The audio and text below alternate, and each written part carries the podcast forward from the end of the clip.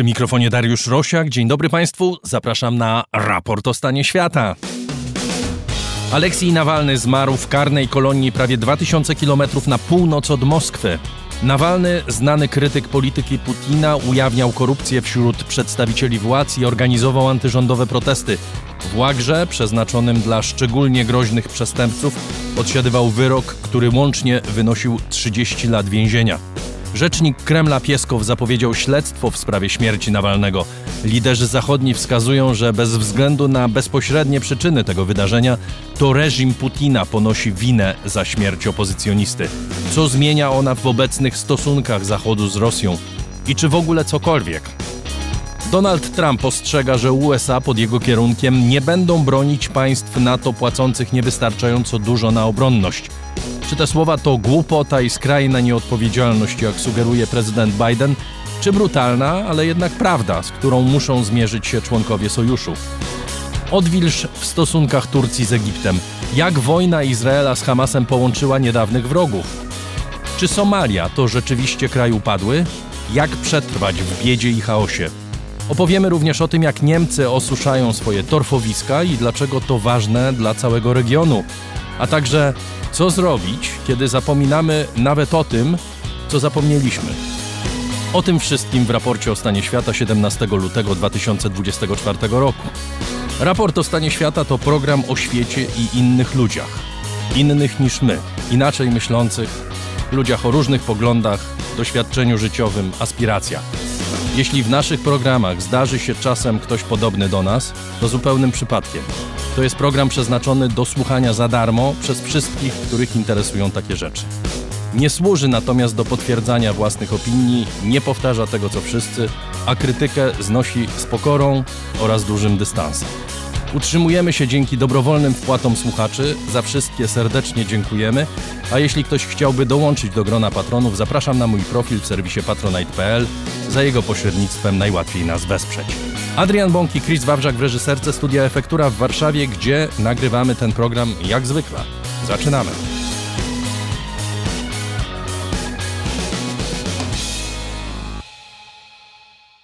Aleksiej Nawalny zmarł w zakładzie karnym numer 3 w rosyjskim Jamalsko-Nienieckim Okręgu Administracyjnym.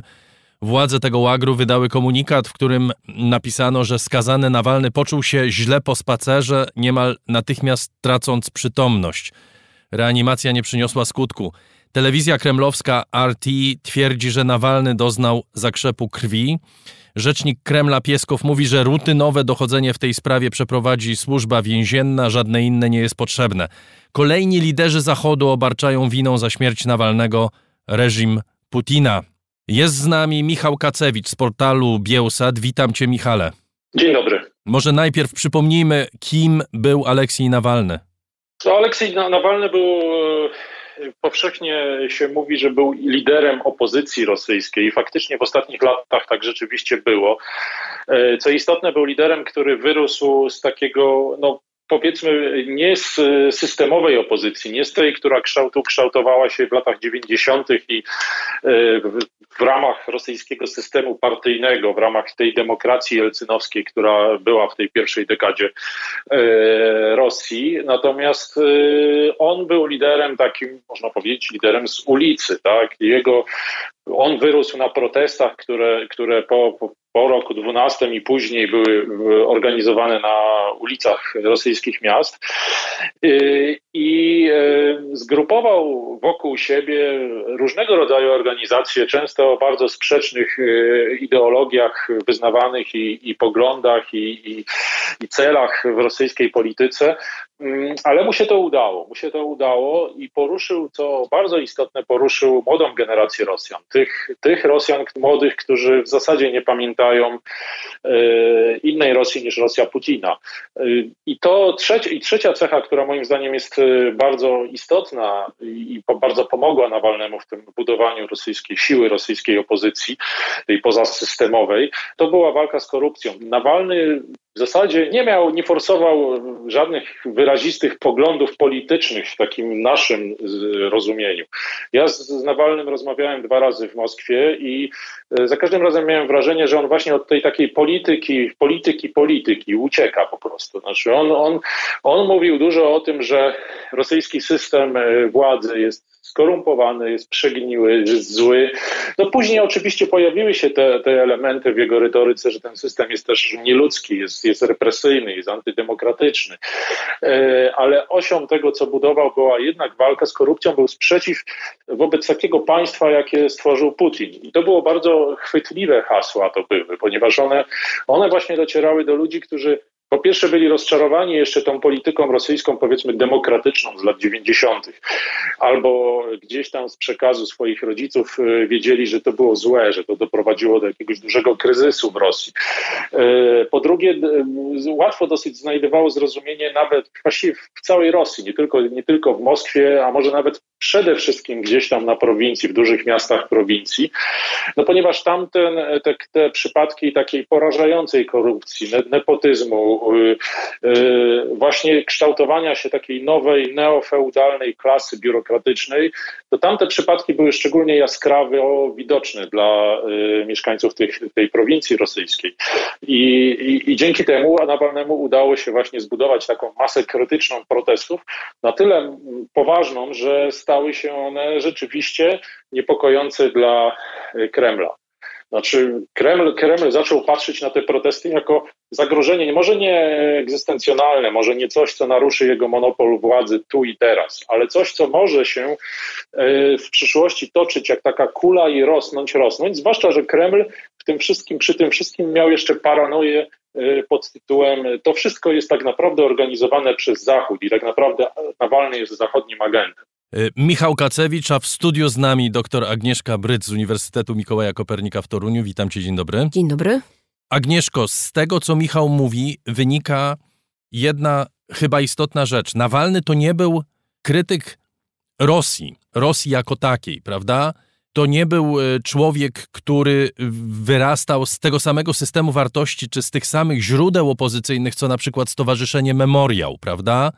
Zresztą to być może było również jedną z przyczyn jego tak ogromnej popularności y, wśród tej części społeczeństwa rosyjskiego, która y, krytykuje Putina. Tak, Aleksiej Nawalny to był taki pełnokrwisty polityk, którego my jako Zachód sobie wyobrażaliśmy, biorąc pod uwagę nasze własne kategorie, kalki i takie mity na temat tego, jak powinien wyglądać prawdziwy opozycjonista rosyjski. Tymczasem Aleksiej Nawalny był taki, jacy są Rosjanie, jacy są, jaka jest opozycja rosyjska, więc on był ukształtowany w znacznym stopniu przez system, miał swoje ideały e, i miał także swoje obciążenia, bo chodził dokładnie do tych samych szkół, do których chodzili inni Rosjanie. Odebrał bardzo dobre wykształcenie prawnicze, więc on się bardzo szybko nauczył sprawnie bronić najpierw swoich interesów, a później interesu publicznego. Więc to też nie jest tak, że my możemy mówić, że to jest taka y, y, tylko i wyłącznie pomnikowa postać, bo on był często mm, dosyć kontrowersyjny, często niezrozumiały przez nas mm, w kręgach zachodnich. Bo... On został wyrzucony z partii Abłoko za działalność nacjonalistyczną. No właśnie, tak. I, i, i to jest też o tak, że... pamiętam, tak? tak, za romans z hasłami y, dosyć brunatnymi, ale jeżeli wgryziemy się w tą specyfikę opozycji rosyjskiej, no to ona zawsze i Nawalny tak, także no nie grali do jednej mm, bramki. To jest środowisko do dzisiaj bardzo podzielone. Nawalny często był dla nich persona non grata i kimś, E, kto pojawiając się w otoczeniu zmuszał innych do wyjścia z pokoju. To znaczy tam poziom skłócenia był tak duży, że sami opozycjoniści i starzy koledzy z Jabłaka często po prostu nie akceptowali Nawalnego, a nawalnistów e, traktowano nie tyle jako opozycjonistów, ale aktywistów Aleksieja Nawalnego. Michale, próba zabójstwa w 2020 roku, próba otrucia nowiczokiem – Udało się przetransportować go do Niemiec na leczenie i heroiczna decyzja o powrocie do Rosji. Dlaczego on wrócił i jakie znaczenie ta decyzja miała dla jego. Agnieszka mówi, że to nie była postać pomnikowa, ale od 21 roku w zasadzie on jest traktowany jako symbol tej realnej opozycji, jako ktoś, kto realnie sprzeciwia się Putinowi, jeden z niewielu, jeśli nie jedyny liczący się opozycjonista w Rosji? No powiedziałbym, że rzeczywiście jedyny. Natomiast to, w jaki sposób się poświęcił, bo ten jego powrót do Rosji no, był poświęceniem. Oczywiście można tutaj się no można się doszukiwać jakichś, jakichś powiedzmy racjonalnych przesłanek, które mogły polegać na przykład na tym, że były jakieś rozmowy między samym Nawalnym a rosyjskimi władzami, między Zachodem a rosyjskimi władzami na temat tego, jakie będą jego dalsze losy i że one nie będą takie, jakie okazały się ostatecznie. No ale tutaj, jeżeli nawet tak było, no to rosyjskie władze y, mogły zwyczajnie oszukać wszystkich i, i postawić na swoim, wydając y, no, drakońskie wyroki. Najpierw 9 lat, później przedłużenie do 19 lat, później kolejne sprawy, które gdzieś tam czekały na Nawalnego. Y, w zasadzie już ten pierwszy wyrok był, był wyrokiem, no, który należy traktować jako odroczoną karę śmierci, bądź na, a na pewno wyrok dożywotni, dlatego że y, no, taki, taka rzeczywistość rosyjskich łagrów, a jednocześnie no, wszyscy się chyba tego obawialiśmy, że determinacja y, Kremla, czy też jakiś, jakiś grup na Kremlu będzie taka, żeby jednak postawić na swoim w tej sprawie, że y, to znaczy właśnie po tej nieudanej próbie zamachu z 20 roku, no jednak ta sprawa znajdzie tego typu finał, jaki znalazła.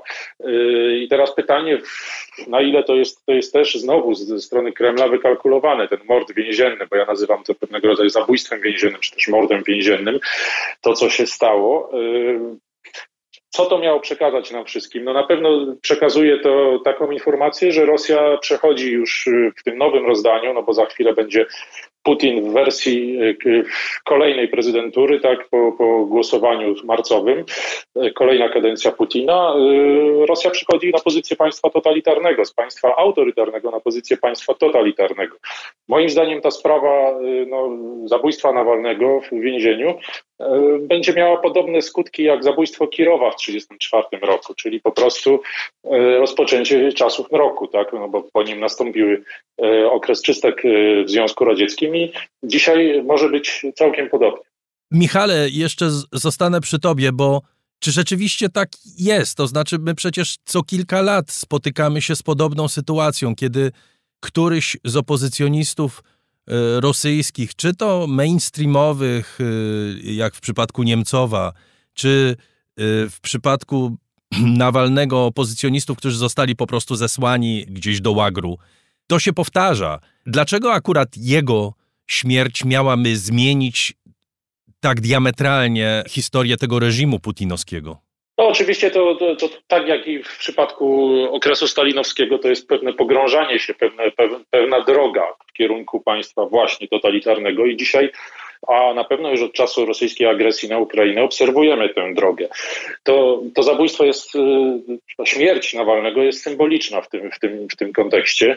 E, właśnie dlatego, myślę, do niej doszło, że Nawalny żywy, ale zesłany do, do tej kolonii karnej gdzieś tam na, w tym, na tym Jamale, y, mimo wszystko nadal żywy, nadal, nadal gdzieś tam funkcjonujący w świadomości, nadal zachodni dyplomaci w sferze publicznej mogli poruszać tę kwestię. Nadal zachodnie media na świecie mogły o tym pisać, że Nawalny, domagamy się uwolnienia Nawalnego. Więc to by cały czas gdzieś tam nad głową Putina krążyło. Natomiast no, Nawalny nieżywy, y, już w zasadzie teraz dopiero rosyjskie władze będą miały taką możliwość, żeby skazać go całkowicie na zapomnienie, przynajmniej w tej rosyjskiej przestrzeni informacyjnej za pomocą swojej propagandy.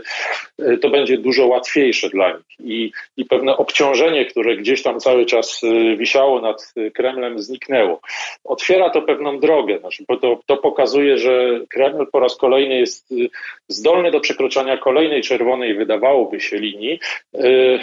No i każe nam wszystkim myśleć o tym, że te czerwone linie, które w naszym rozumieniu Kreml nie powinien ich przekraczać, to jednak jest zdolny i z, z pełną premedytacją może je przekroczyć. Michał Kacewicz z portalu Bielsat był gościem raportu o stanie świata. Dziękuję Ci bardzo, Michale. Dziękuję, dziękuję. A w studio ciągle e, doktor Agnieszka Bryc z Uniwersytetu Mikołaja Kopernika. Rozmawiamy kilka godzin po tym, jak y, informacja y, pojawiła się w serwisach medialnych Nie znamy szczegółów. Michał Kacewicz mówi o mordzie więziennym.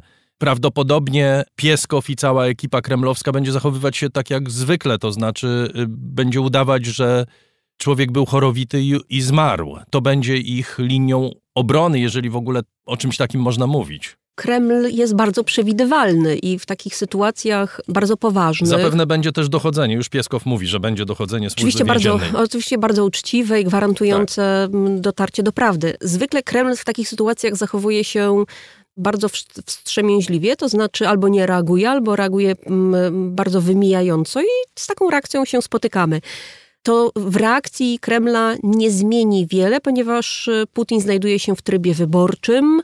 Już dzisiaj, wtedy, kiedy wypłynęła informacja o śmierci Nawalnego, z rosyjskich mediów e, spływały informacje, że w czasie rzeczywistym prezydent Putin, odwiedzając chyba Czelabińsk, ale mogę się mylić, komentował um, boks, komentował tańce narodowe i w zasadzie nic więcej, to znaczy zajmuje się sobą i swoją kampanią wyborczą.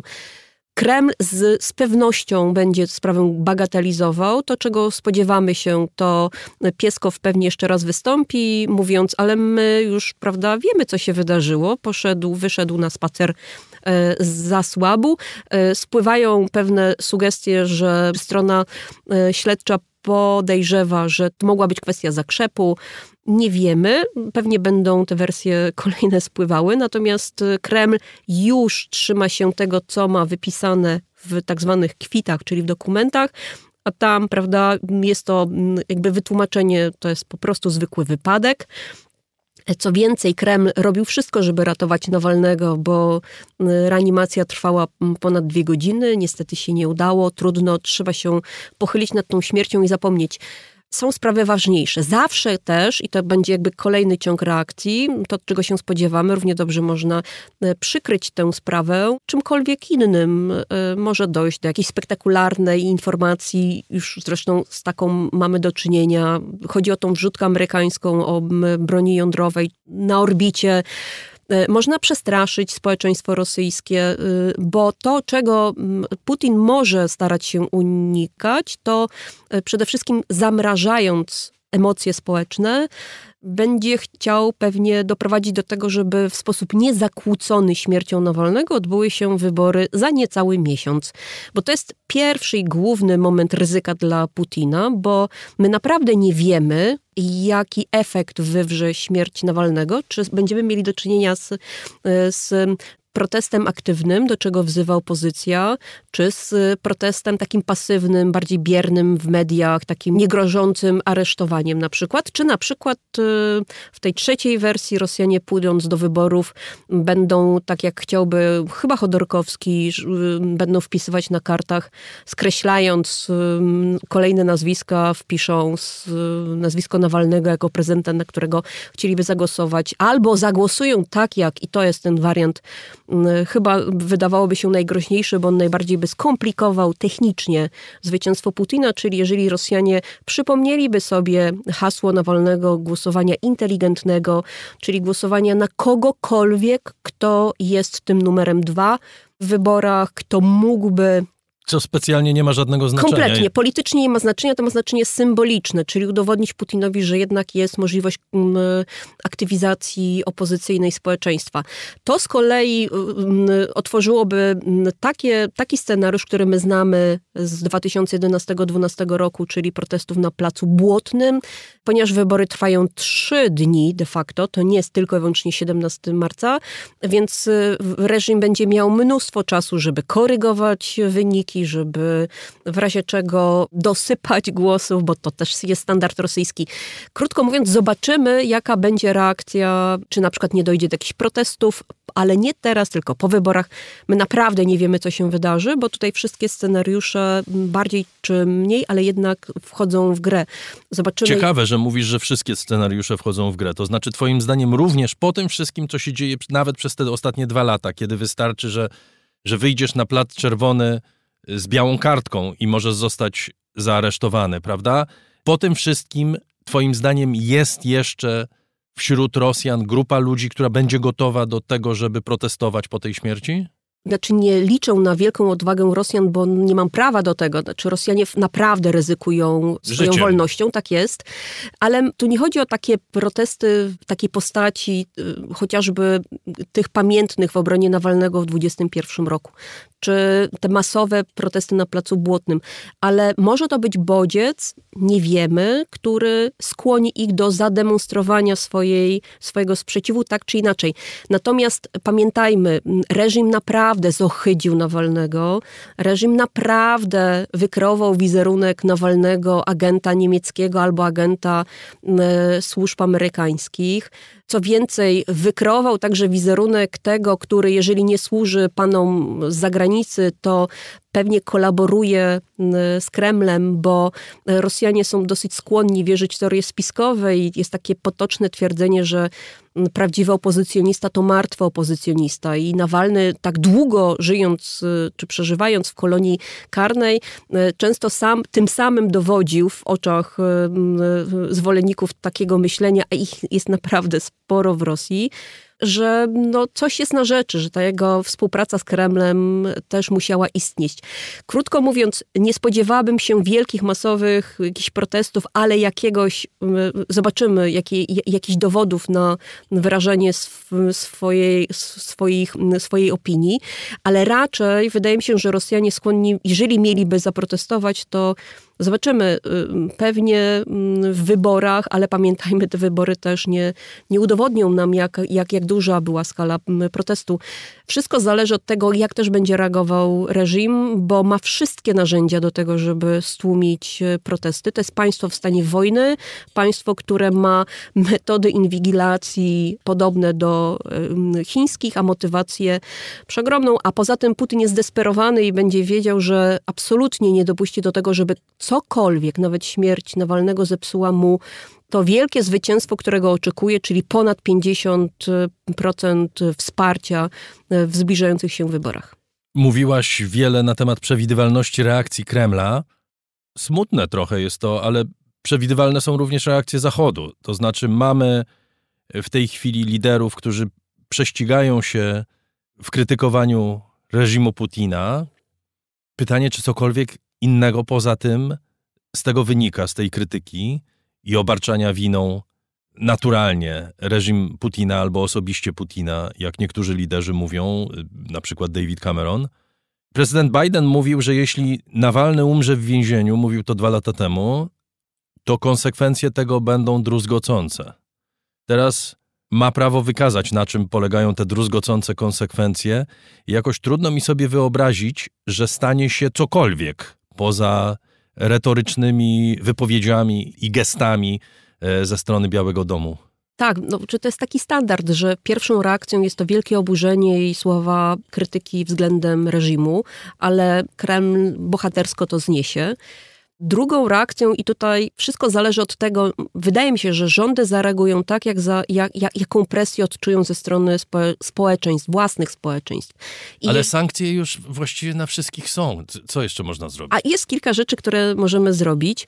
Po pierwsze, zrozumieć, że mm, reżim Putina, to znaczy zrozumieć na poziomie politycznym i spożytkować śmierć Nawalnego, nie tylko w sensie takim słownym, wyrażając y, słowa współczucia, ale wykorzystać to politycznie po to, żeby z, zmobilizować ponownie Zachód w oporze przeciwko rosnącemu blokowi państw autorytarnych, takich jak Rosja, gdzie ciągle żyją i przetrzymywani są nie tylko dziennikarze, ale także więźniowie polityczni, gdzie y, reżim taki jak putinowski wykorzystuje zabójstwa polityczne w swojej własnej wewnętrznej, zagranicznej polityce.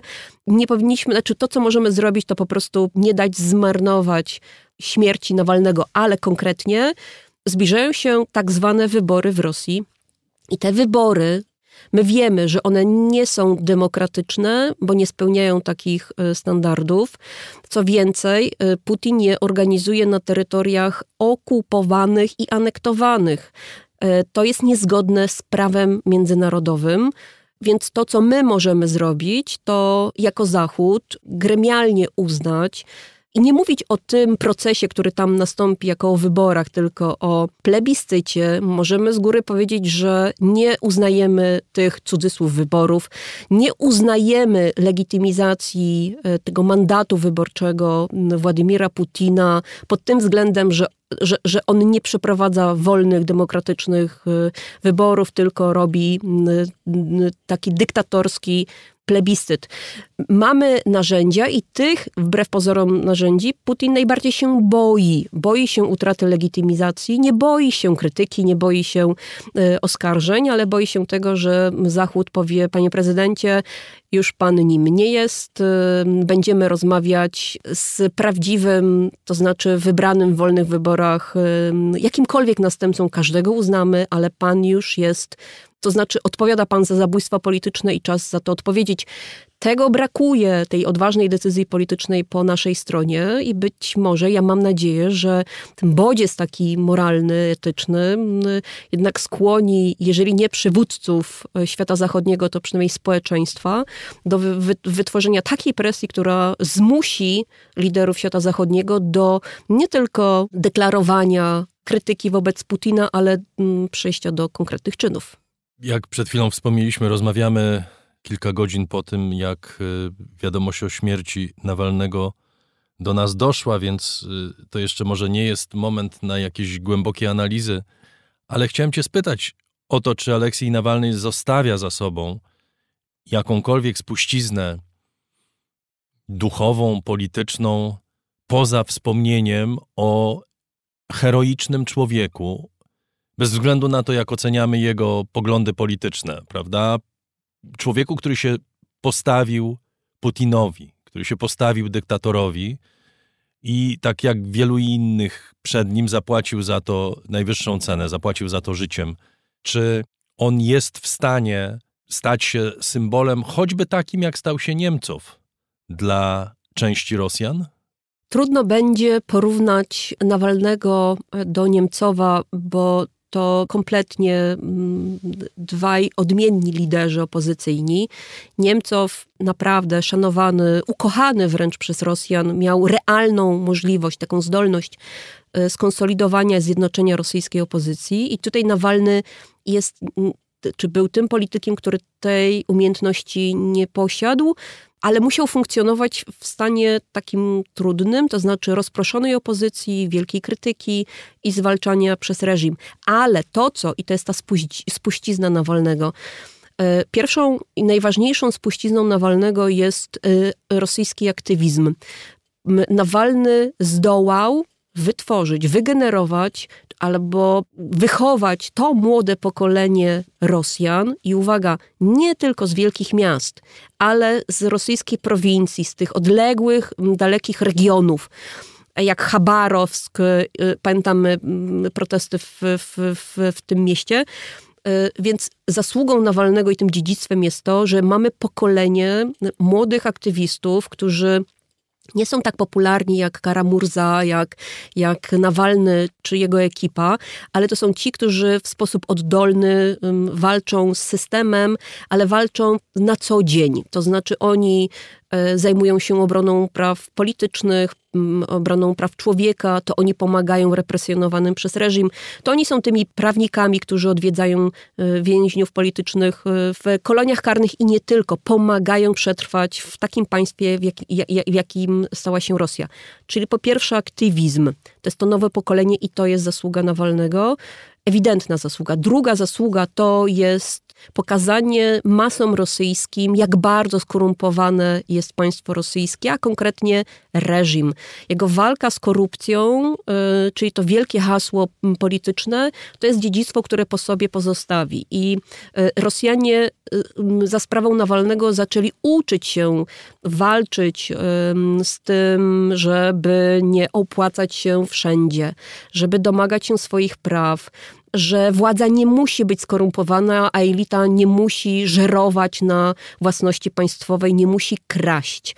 I to jest to ziarno zasiane przez y, Nawalnego. I tym trzecim ziarnem ostatnim, tym dziedzictwem, które być może wyrośnie razem z dziedzictwem Borysa Niemcowa, to jest takie przekonanie, y, żeby się nie poddawać.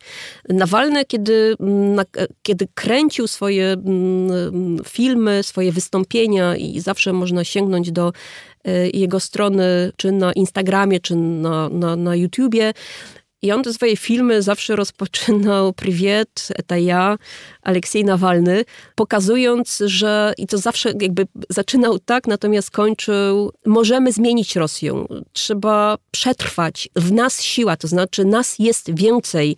I to wpajał Rosjanom i być może, może nie w tych wyborach, ale jeszcze w kolejnych, wyrośnie to pokolenie, które dzisiaj um, jest młodym nastoletnim, będzie za moment zbuntowane przeciwko um, już wieloletniemu um, przywódcy, którego wszyscy będą mieli serdecznie dosyć.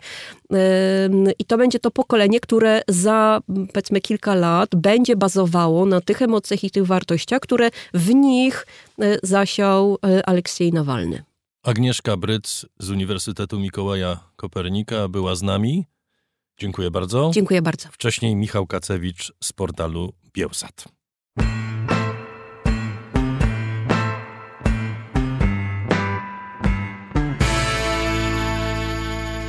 Po wypowiedzi Donalda Trumpa na temat NATO, przywódcy sojuszu i krajów członkowskich prześcigają się w deklaracjach mających wykazać jedność sojuszu.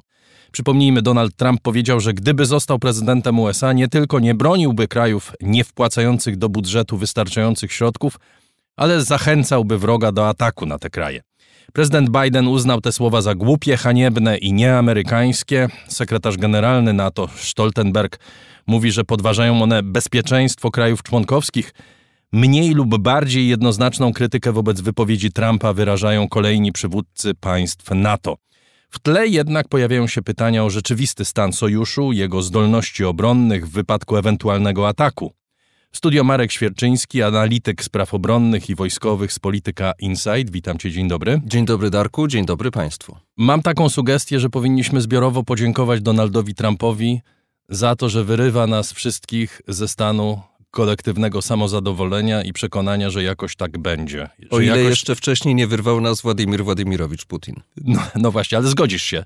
To znaczy, jest to oczywiście y, coś, czego nie, nie, nie, do końca jest to niespodziewane, co następuje w tym momencie, i też y, jak najbardziej rytualne są te wszystkie zapewnienia, tak, które przed chwilą przypomniałeś. Jesteśmy właśnie w trakcie tego festiwalu. Y, no ale tak, to jest okazja, żeby się zastanowić, ile zostało zrobione, co należy jeszcze zrobić, gdzie jesteśmy w tym chyba niekończącym się procesie adaptacji i transformacji NATO do tego y, w tej chwili już całkowicie dla wszystkich jasnego, y, wyraźnego zagrożenia rosyjskiego o charakterze egzystencjalnym i o charakterze y, trwałym, tak? Bo po tych dwóch latach, bo to się również nakłada na, na tę rocznicę, prawda, która w następny weekend przypada, czyli dwóch lat wojny Rosji z Ukrainą. Ros wojny de facto nie tylko Rosji z Ukrainą, ale Rosji zacho z Zachodem.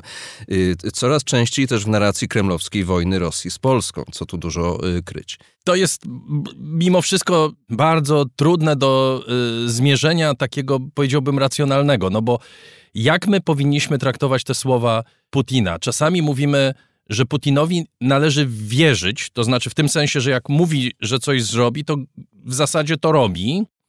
Z drugiej strony on nie mówi, że ta zaatakuje Polskę i kraje no, mówi, bałtyckie, mówi, że, że, ich nie tak. zaatakuje, mm -hmm. prawda? E, no to powinniśmy mu wierzyć teraz, a nie wierzyć kiedy indziej? Jak to jest? Kurs na konfrontację z Zachodem został wyznaczony w Rosji przez Putina bardzo wyraźnie i z każdym kolejnym jego oświadczeniem jest e, utwierdzany.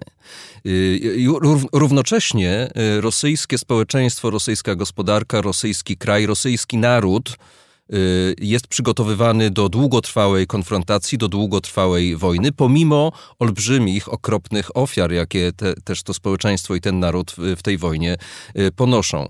Y, wobec czego wydaje mi się, że nie, nie wiem, czy wypada Putinowi wierzyć, kiedy on zapewnia, że nie zaatakuje, tak? ale trzeba być przygotowanym na to, że on zaatakuje, bo, bo widzimy, że wszelkie stawiane przed wojną tezy, prognozy dominujące przecież, prawda? O tym, że no jest to jednak racjonalny przywódca, że jednak jego kalkulacja strategiczna jest taka, że nie chciałby pogarszać znacząco i tak już przecież złych relacji z Zachodem, że to wszystko się nie sprawdziło, prawda? Że to wszystko runęło, że widzimy, że że tam obowiązuje na Kremlu specyficzna racjonalność, której być może wciąż do końca nie rozumiemy. A zatem y, wypada w tej chwili, i, i, to się dzieje powoli dosyć, ale jednak konsekwentnie, przestawić nasze tory myślenia i przygotowywać się na najgorsze, to zresztą słychać w tej chwili bardzo głośno w całej Europie,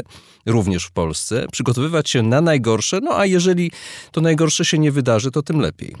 Dobrze, to ustalmy fakty nie tylko kto i ile płaci na NATO, ale jak te wydatki przekładają się na sprawność armii natowskich. To jest w ogóle... Od, od pieniędzy, jeśli pozwolisz, zacznijmy. W ogóle skąd się wziął postulat 2%? Kto wypełnia ten postulat? Dlaczego mówimy o 2%, a nie na przykład o 1,5% albo 3,5 albo 4? Nawet Niemcy od tego roku, zdaje się, mają wydać ponad 73 miliardy euro, czyli ponad 2% y, swojego PKB na mm, obronność. To jest poważna zmiana. I jak mówię, skąd się wzięły 2% i które kraje wypełniają ten warunek? Musimy się cofnąć 10 lat wstecz prawie 10 lat wstecz do szczytu walijskiego, tak? do szczytu, który nastąpił mniej więcej pół roku po pierwszej zbrojnej agresji Rosji przeciwko Ukrainie, po tym szoku, jakim, jaki ogarnął y, cały Zachód. Zachód, który w tym momencie, wtedy, tak, był y, y, no... w takiej chwili, kiedy nie za bardzo wiedział, jak dalej kontynuować te wielkie operacje z inicjatywy Stanów Zjednoczonych podjęte, ale do których NATO de facto się przyłączyło, tak, na Bliskim Wschodzie. Mówię tutaj o Afganistanie, mówię tutaj w pewnym stopniu o Iraku również, mówię o tych operacjach w północnej Afryce, prawda, też wielki y, kłopot i wiemy, co potem z tego y, wyszło. Y, NATO szukało wtedy swojego, swojego nowego punktu odniesienia, a jednocześnie zostało zostało zaskoczone totalnie, znacznie bardziej niż w roku 2022, tą e, agresją e, rosyjską. I wtedy na szczycie Walii właśnie w Newport kraje członkowskie niejako odnowiły no, widząc, co się dzieje, prawda, i, i, wiedząc, jak długo w zbytnim stopniu korzystały z tak zwanej dywidendy pokoju, tak, czyli obcinały nakłady na obronność po to, żeby konsumować je w innych obszarach wydatków publicznych, no, za sprawą też administracji Baracka Obamy, która, która y, może mniej widowiskowo jak Donald Trump, ale jednak również naciskała na y, podniesienie wydatków obronnych, doprowadziły kraje członkowskie do złożenia takiej obietnicy, że w ciągu 10 lat, a zatem do roku 2024, właśnie y, obecnego roku, y, wszystkie kraje NATO będą przynajmniej 2% swojego PKB wydawać na y, obronność i 10 lat y, w przód ciągle nie wydają. Tak? Jesteśmy na, y, tak jak Jens... Ale sporo krajów wydaje. Jens Stoltenberg powiedział w ubiegłym tygodniu, chyba trochę w reakcji na te słowa Donalda y, Trumpa, że 18 krajów członkowskich spełni ten wymóg i że globalnie... W tym roku. Tak, tak do ubiegłego tak. roku to było 11, teraz I że globalnie Europa i Kanada, czyli pominąwszy Stany Zjednoczone, doszły do, do tej sumy, prawda, na wykresie 2% PKB. Oczywiście uwzględniwszy to, że jedni wydają więcej, tak jak Polska na przykład, 4,23, absolutny rekord, a inni wydają y, nieco mniej, ale dobrze, tak, że wśród tych 18 krajów, jak się okazało, są też Niemcy i jest też y, Francja. Tylko ci przerwę. Rzeczywiście Polska procentowo to jest kraj, który wydaje najwięcej na obronność, nie Stany Zjednoczone? Już drugi rok albo i trzeci mm. nawet, tak? Mm. Rzeczywiście 4,23. No Stany Zjednoczone są na poziomie 3,6, 3,7 mniej więcej. Oni mają olbrzymi budżet, tak? Ponad 800 y, miliardów dolarów, ale oczywiście to nie jest budżet na NATO, przy, też powiedzmy sobie y, jasno. No więc stąd to się wzięło. Tyle, że i teraz musimy sobie uświadomić, to jest punkt odniesienia przyjęty 10 lat temu w sytuacji, kiedy Rosja nie była jednak postrzegana jako egzystencjalne zagrożenie dla Europy, dla europejskich państw NATO. W sytuacji, kiedy nie prowadziła pełnoskalowej, olbrzymiej prawda, wojny z y, Ukrainą. W sytuacji, kiedy jeszcze tak jasno nie formułowała swojej konfrontacyjnej doktryny walki z Zachodem i jego wartościami. Więc należałoby się poskrobać w głowę i zastanowić, czy w dzisiejszej sytuacji, w dzisiejszych realiach te 2% w ogóle są adekwatne poskropmy się w głowę i przestańmy mówić o procentach, tylko zadam ci bardzo konkretne pytanie. Kto oprócz armii amerykańskiej, która z armii europejskich czy z armii NATO posiada realne zdolności obronne? Realne zdolności posiada w zasadzie każda z dużych y, armii, czy też każde z sił zbrojnych państw europejskich, tylko że posiada ich za mało. Posiada je w wycinkowym y, wymiarze. Jedni mają lepsze lotnictwo, silniejsze, y, bardziej lepiej zorganizowane, wyposażone i ćwiczone. Inni mają y, lepsze i większe siły lądowe. Natomiast trzeba powiedzieć sobie jasno, że jak na warunki egzystencjalnego zagrożenia dla Europy, siły zbrojne europejskich państw NATO, mi się wydaje, nie reprezentują obecnie poziomu, który pozwoliłby nam z taką absolutną pewnością powiedzieć, że są wystarczające bez Amerykanów, tak, dla ubezpieczenia Europy. I druga uwaga jest taka, że przyjęliśmy uważać, że Stany Zjednoczone posiadają w Europie jakieś niezwykle y, rozbudowane siły zbrojne. Tak nie jest. Stany Zjednoczone posiadają, jeśli chodzi o wojska lądowe, y, w Europie na stałe rozmieszczone ledwie dwie brygady i to lekkie. Y, do tego dodają rotacyjną brygadę y, dodaną parę lat y, temu, jeszcze przed wojną Rosji z Ukrainą. I to jest ta rotacyjna brygada, która no, stacjonuje w Polsce, ale ćwiczy w różnych krajach.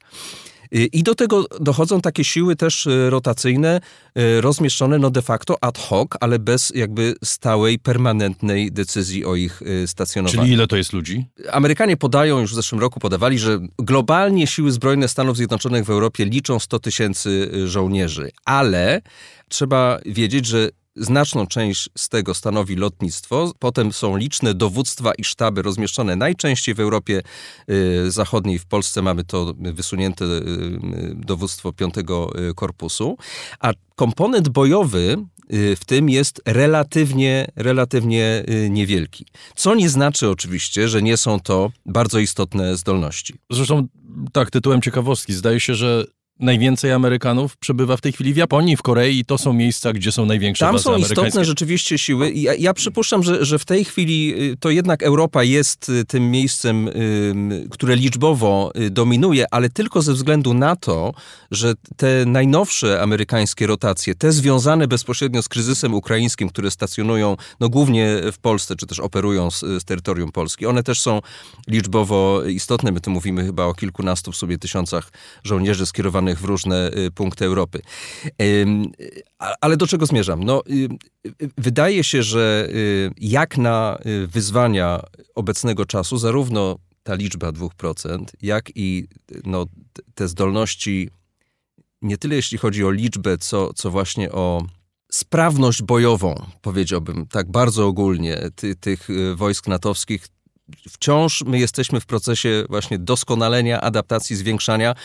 No między innymi teraz widzimy to, tak, kiedy ćwiczą żołnierze z 31 aż krajów członkowskich w tym momencie y, NATO, y, w tej takiej serii manewrów pod kryptonimem Steadfast Defender, tak? Y, no pada liczba to 90 tysięcy. Y, ogromne manewry natowskie, które one w tej chwili są, mają one miejsce. One są w tym sensie ogromne, że one się wydarzają niemal jednocześnie, znaczy na przestrzeni czterech miesięcy, na wielu, że tak powiem, teatrach działań, tak? I na dalekiej północy w Norwegii, i w basenie Morza Czarnego, u nas w Polsce i na wschodniej flance, tak, będzie kilka zresztą takich epizodów, które będą się tutaj na, tym, na tej osi zachód-wschód yy, rozgrywać. To jest trochę pokazanie, że nawet w tym procesie adaptacji i transformacji, który dopiero się rozpoczął i do którego my dusi, musimy dopiero dojść, żeby mieć te, y, jak, jak NATO obiecało, 300 tysięcy żołnierzy w wysokiej gotowości i 500 tysięcy żołnierzy jako siły wsparcia. Y, no, na razie mamy w tych ćwiczeniach 90 tysięcy, prawda? Nie ćwiczy się nigdy pełnoskalowo, ale można powiedzieć, że na tym polega y, znaczenie tych ćwiczeń Steadfast Defender właśnie, że NATO pokazuje, że jest w stanie naraz niejako działać w różnych miejscach.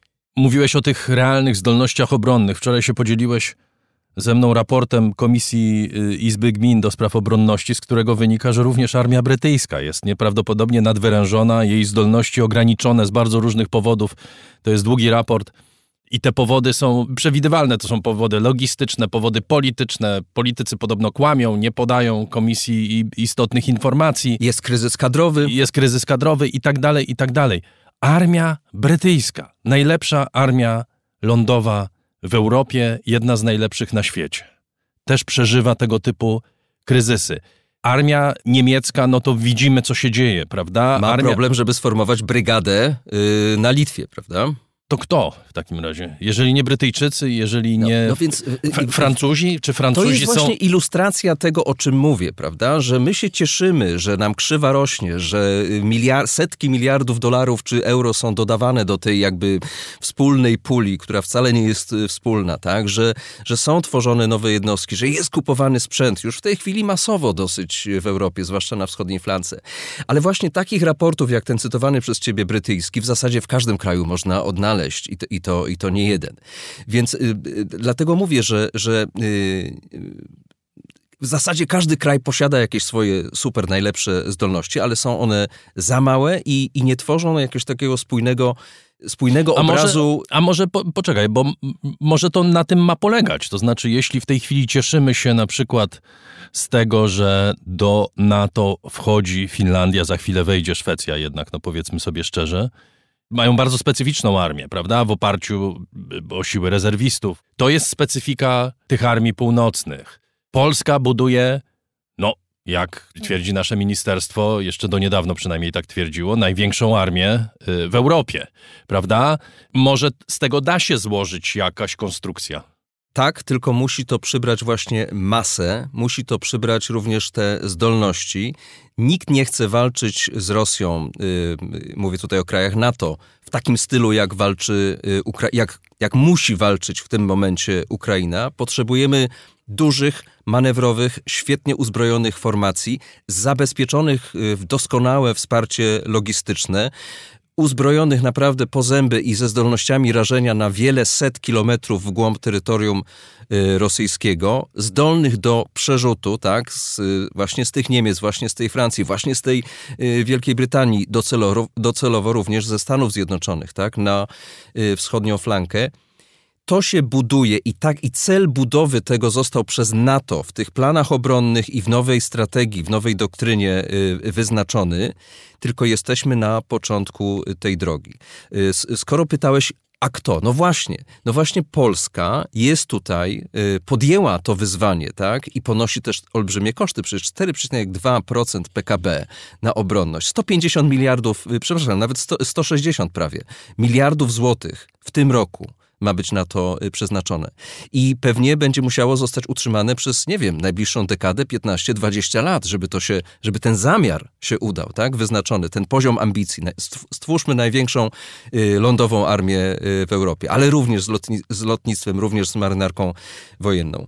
To obrazuje poziom tego wyzwania i teraz znowu wróćmy do początku naszej rozmowy. Czy te 2%, których notabene nie osiągamy jeszcze, tak?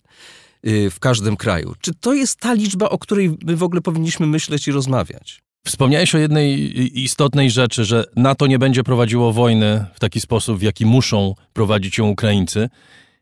Czy fakt, że ta wojna przybiera tak nieoczekiwany, no bo powiedzmy sobie szczerze, to jest nieoczekiwany obraz, kiedy wojna wygląda tak, jak byśmy się cofnęli o 100 lat do okopów Verdun, prawda? Ta wojna przypomina pierwszą wojnę światową. Po obu stronach granicy są oddziały okopane, które poruszają się po 50-100 metrów do przodu, potem 200 metrów do tyłu i tak siedzą I tak w, tym błocie, w tym błocie przez drugi rok.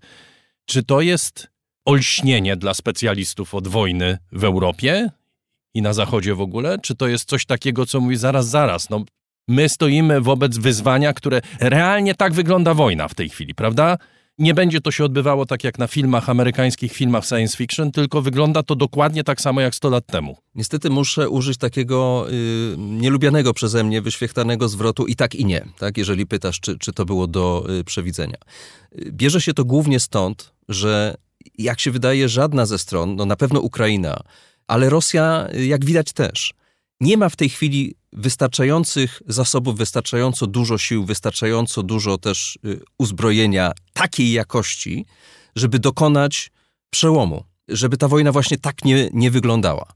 Rosjanie się absolutnie przeliczyli, nie są w stanie wojskowo udźwignąć y, głównie tej rozciągłości frontu. Ukraińcy z kolei nie dali rady też oczywiście przy, przyczyniła się do tego taka, a nie inna, trochę na inną rozmowę to temat, polityka Zachodu, ale nie dali rady też dokonać tego strategicznego wyłomu, który w ich mniemaniu pozwolić by im miał na, na pewnego rodzaju przełom polityczny. Tak to miało wyglądać, prawda? Odcinamy korytarz na Krym, yy, odcinamy za kilka miesięcy również Krym i to stwarza nam okazję do yy, jakiegoś rozstrzygnięcia. Obie strony są w klinczu. Dlaczego mówię, że, że NATO by tak nie wojowało z Rosją, prawda? No bo jednak, y, y, no po pierwsze, y, NATO zakłada jednak olbrzymią przewagę, zakłada przewagę siły ognia, przewagę manewru, przewagę informacyjną, przewagę jeśli chodzi o targeting, tak? Zasadniczo założenie jest takie, że no, że te siły przeciwnika będą o tyle przejrzyste, że my będziemy, my, strona natowska, będziemy w stanie y, y, zniszczyć y, z dużą precyzją każde ich zasoby po to, żeby po prostu podciąć im kolana i, i zmusić do y, ustępstw. Ukraińcy tego nie potrafią y, zrobić, mają Bo nie za mają mało środków. tych y, środków. Też nie mają, wydaje mi się, że również nie mają te, tej, tej myśli takiej doktrynalnej, żeby tak robić, prawda, żeby tak y, wojować. Widzimy, że tutaj oni, oni w, w sumie walczą dosyć podobnie, tak, do, do tego. Być może to są po prostu warunki takie, a nie inne. No i, no i musisz tą walkę prowadzić, prawda, no bo nie możesz się y, cofnąć, bo taka jest dyrektywa polityczna, nie? żeby się y, nie cofać. Mm, NATO by tak na pewno nie walczyło. NATO by y, używało dużo więcej lotnictwa, dużo więcej dalekosiężnej, precyzyjnej, o ogromnej sile y, rażenia broni. Tylko właśnie jest znak zapytania, czy jesteśmy absolutnie przekonani, że tę broń w odpowiedniej ilości posiada i w odpowiedniej gotowości, tak? Że my mamy te siły, zasoby, te magazyny pełne tego y, uzbrojenia i ludzi, którzy potrafią je na polu walki y, właściwie wykorzystać. Czy pojęcie armia europejska jest wyłącznie pojęciem politycznym, które nie ma praktycznego znaczenia? Na razie jest głównie ideą polityczną, tak bym powiedział, pewnego rodzaju koncepcją, ale y, ja uważam, że powinniśmy się bardzo poważnie y, zastanowić, w jaki sposób budować może nie tyle armię europejską, co europejskie zdolności obronne. Ja już nie mówię, że wobec No ale to- tego, to co znaczy widać i armię słychać z europejską. Co Ameryki, to znaczy tak? z- europejskie bo- bo, zdolności y, obronne? y, To znaczy zdolności obronne w Europie, tak? Sami musimy się zbroić i wypracować pewnego rodzaju wspólną koncepcję obrony.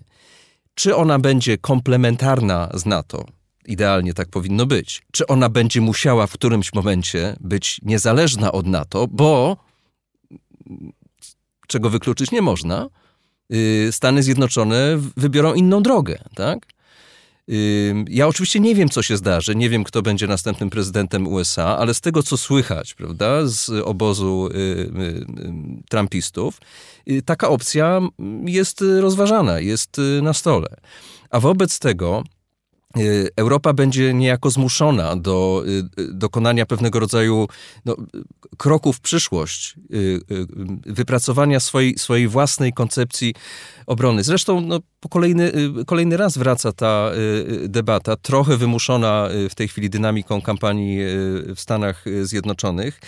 Y, Nie ulega wątpliwości, że w tym momencie Europa by, by miałaby olbrzymi problem, tak? Bez Ameryki. Nawet nie tyle, jeśli chodzi o te ilościowe kwestie, tak? O, o liczbę żołnierzy, prawda, czy, czy rozmieszczone jednostki, ile o kwestie strategicznego transportu, y, głównie powietrznego, tankowania w powietrzu, to jest niezwykle istotna y, kwestia, y, transportu morskiego, rozpoznania satelitarnego i strategicznego rozpoznania lotniczego, kierowania i dowodzenia.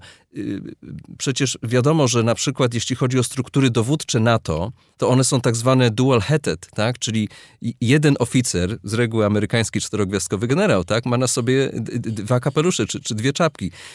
Dowódca amerykańskich sił w Europie, UCOM, jest jednocześnie Sakiurem, tak? czyli najwyższym y, dowódcą natowskim.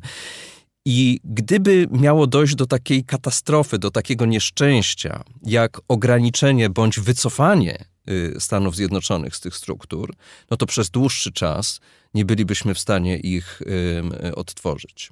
Powiedziałeś, co by się stało, gdyby Amerykanie się wycofali, ale co musiałoby się stać, żeby ten projekt armii europejskiej nabrał sensu i nabrał kształtu? Bo ty mówisz o zdolnościach obronnych. W tym sensie nie bardzo rozumiem, no zdolności obronne to każda armia europejska próbuje swoje tak, tak, zdolności tylko... obronne mhm. uzyskać. Natomiast kiedy mówimy, czy pojawia się to słowo, ten zwrot armia europejska, mówimy o wspólnych siłach, pod wspólnym dowództwem. Polacy, Niemcy, Francuzi, być może Brytyjczycy również walczą w tych samych oddziałach. Tylko mają właśnie tych dowódców, prawda? Y, te struktury dowodzenia, mają te doktryny i plany tak, operacyjne, ewentualnościowe, mają wypracowane y, jakby mechanizmy współdziałania. Oczywiście można do pewnego stopnia, y, jeżeli by do czegoś takiego musiało dojść, zrobić copy-paste y, ze struktury natowskiej, tak? Wypełnić tą strukturę y, innymi ludźmi, nie wiem, z wyłączeniem, dajmy na to Amerykanów, ja cały czas odpukuję, prawda, żeby to się, broń może nie wyszło, że, że, że ja przewiduję taką perspektywę. Ale to będzie musiało być coś innego i coś więcej, tak? No bo, bo jednak Ameryka wywiera przemożny wpływ na natowską filozofię odstraszania i obrony, na natowskie y, y, planowanie obronne, tak? na właśnie te, na implementację tego całego założenia sojuszniczego. Y, jeżeli Ameryki w tym założeniu sojuszniczym by nie było, no to jest ewidentne, że też ono by miało nieco inny kształt.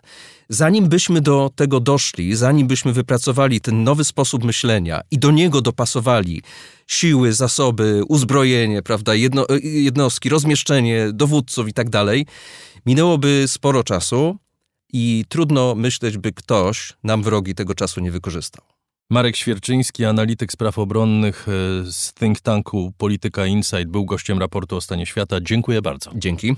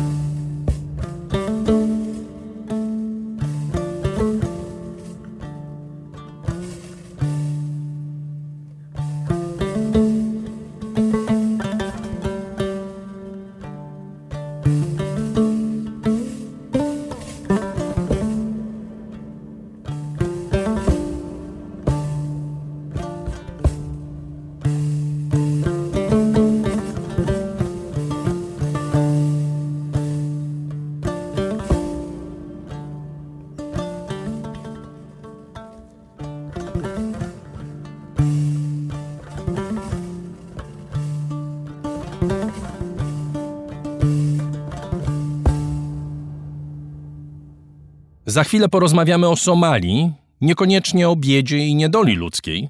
A teraz czas na świat z boku.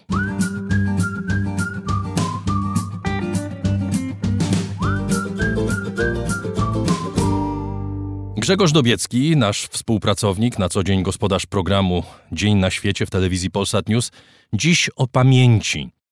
Selektywnej, absolutnej, zawodnej i historycznej by wymienić tylko kilka rodzajów, z którymi mierzy się dziś nasz boczny obserwator.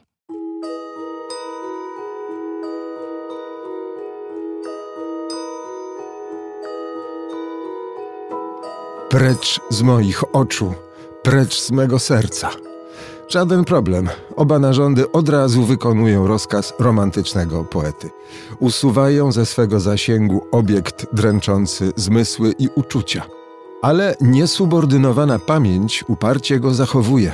Wczesny Mickiewicz cierpi typowo jak każdy z młodych Werterów.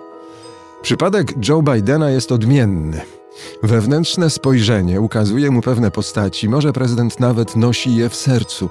Jednak jego pamięć operacyjna kojarzy je z cudzą tożsamością, z niewłaściwym czasem i miejscem. Tu również pamięć odmawia posłuszeństwa, tyle że z wiekiem cierpienia romantyczne zamieniają się w dolegliwości geriatryczne. Donald Trump, który także młodzieńcem nie jest, nie przypomina sobie na przykład, żeby spuszczał poufne dokumenty w toaletach Białego Domu, a korzystał z jednych i drugich, nieraz być może jednocześnie. O pamięci da się powiedzieć z całą pewnością tylko tyle, że jest plastyczna, selektywna i zawodna. Ta zbiorowa jeszcze bardziej niż indywidualna.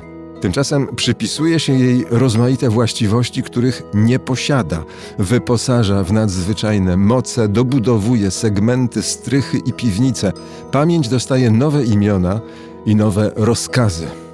Hiszpańscy socjaliści ustawowo nadali jej miano demokratycznej. Stała się więc pamięcią oktrojowaną, czyli narzuconą, jak kiedyś Konstytucja Królestwa Polskiego. Pamięć demokratyczna upoważnia do ekshumowania szczątków republikańskich ofiar wojny domowej, by zrehabilitowane nie spoczywały w Dolinie Poległych obok prochów frankistów. Osobliwa terapia, zabliźnianie ran poprzez ich rozdrapywanie, przez czystki cmentarne. Zmarli nie mogą wam powiedzieć, że się mylicie, mogą to zrobić tylko żywi, a oni potrafią kłamać, dlatego bardziej wierzę zmarłym pisze Julian Barnes w najnowszej powieści. Schedę po przodkach obejmuje się z dobrodziejstwem inwentarza, czyli nie można negować ani ulepszać przeszłości. Odbywa się to jednak inaczej, na co w końcu XIX wieku zwrócił uwagę Ernest Renan. Według niego opatrzne rozumienie własnej historii jest jednym z elementów konstytuujących naród. Tę kapitalną obserwację aktualizuje dzisiaj nowa wytyczna rozumienia na opak. Oto historię dawnych metropolii i ich byłych kolonii należałoby ułożyć od początku według klucza woke. Władze Meksyku przepraszają za hiszpańską konkwistę, stawiają na aztecką alternatywę, podczas gdy zbiorowa pamięć zasługiwałaby na koniunkcję, choćby zmitologizowaną. W naszej odnodze nurtu woke Prace takie jak Ludowa Historia Polski czy Chłopki, na swój sposób także film Kos i serial 1670 nie unieważnią Sienkiewiczowskiej pamięci w narodzie. Może ją uzupełnią i utemperują, ale wątpliwe, by przełamały jej opaczny monopol. Bujać to my, panowie szlachta. Tak jak nie ma pamięci absolutnej, nie ma również pamięci uniwersalnej. Narody skonfliktowane przez przeszłe zdarzenia nie zapamiętują ich tak samo. Ocena 130 lat francuskiej obecności w Algierii rozpina się między skrajnościami od zbrodni ludobójstwa po cywilizacyjne dobrodziejstwa kolonizacji. Złotego środka nie da się tu znaleźć, a jeśli się uda, on nie będzie złoty. Francja proponuje réconciliation de mémoire, pojednanie obu pamięci. Algieria frontalnie je zderza. Duetowi francusko-niemieckiemu niby się udało, głównie dlatego, że, jak to określiła badaczka Tania Schult, Niemcy zostali uznani za mistrzów świata w rozrachunku z własną historią. Już wyzwoleni z pamięci pokutnej odnaleźli zdolność i ochotę do pouczania innych narodów. Żadnych perswazji nie przyjmuje Izrael, niewzruszony w twierdzy pamięci kilku tysiącleci. Mitem założycielskim współczesnego państwa żydowskiego można by nazwać Holokaust, gdyby to był mit. Można go też uznać za tarczę, która chroni jak żelazna kopuła, a nieraz i za alibi, które pozwala na zbyt wiele. Ta ostatnia uwaga grozi oskarżeniem o antysemityzm. Z kolei na zarzut powielania syjonistycznej narracji narazi każda krytyka wychowywania pokoleń Palestyńczyków w nienawiści do tak zwanego odwiecznego wroga, każda krytyka cierpiętniczego kultu Nagby, eksodusu Arabów z Palestyny. W pamięci obu narodów Holokaust i Nagba nigdy się nie spotykają. Miejsca na autentyczną historię brakuje już w kolektywnej pamięci Rosjan. Putin wypełniają coraz to mocniejszymi dawkami propagandowego nowiczoka, a zbiorowy organizm wykazuje zdumiewającą tolerancję na paraliżującą truciznę. Antidotum o nazwie memoriał działa zbyt słabo, zresztą jest już praktycznie nie do zdobycia. Ukraina zdaje się konstruować swoją pamięć roboczą na nowe czasy. Wyrzuca z niej Rosję, ale jakoś nie chce wpuścić tego, na co czeka inny sąsiad. Czyżby pozostawało mu słuchanie Leonarda Coena, jak zapamiętale zaprasza do niepamięci? And I can't forget, I can't forget, I can't forget, but I don't remember what.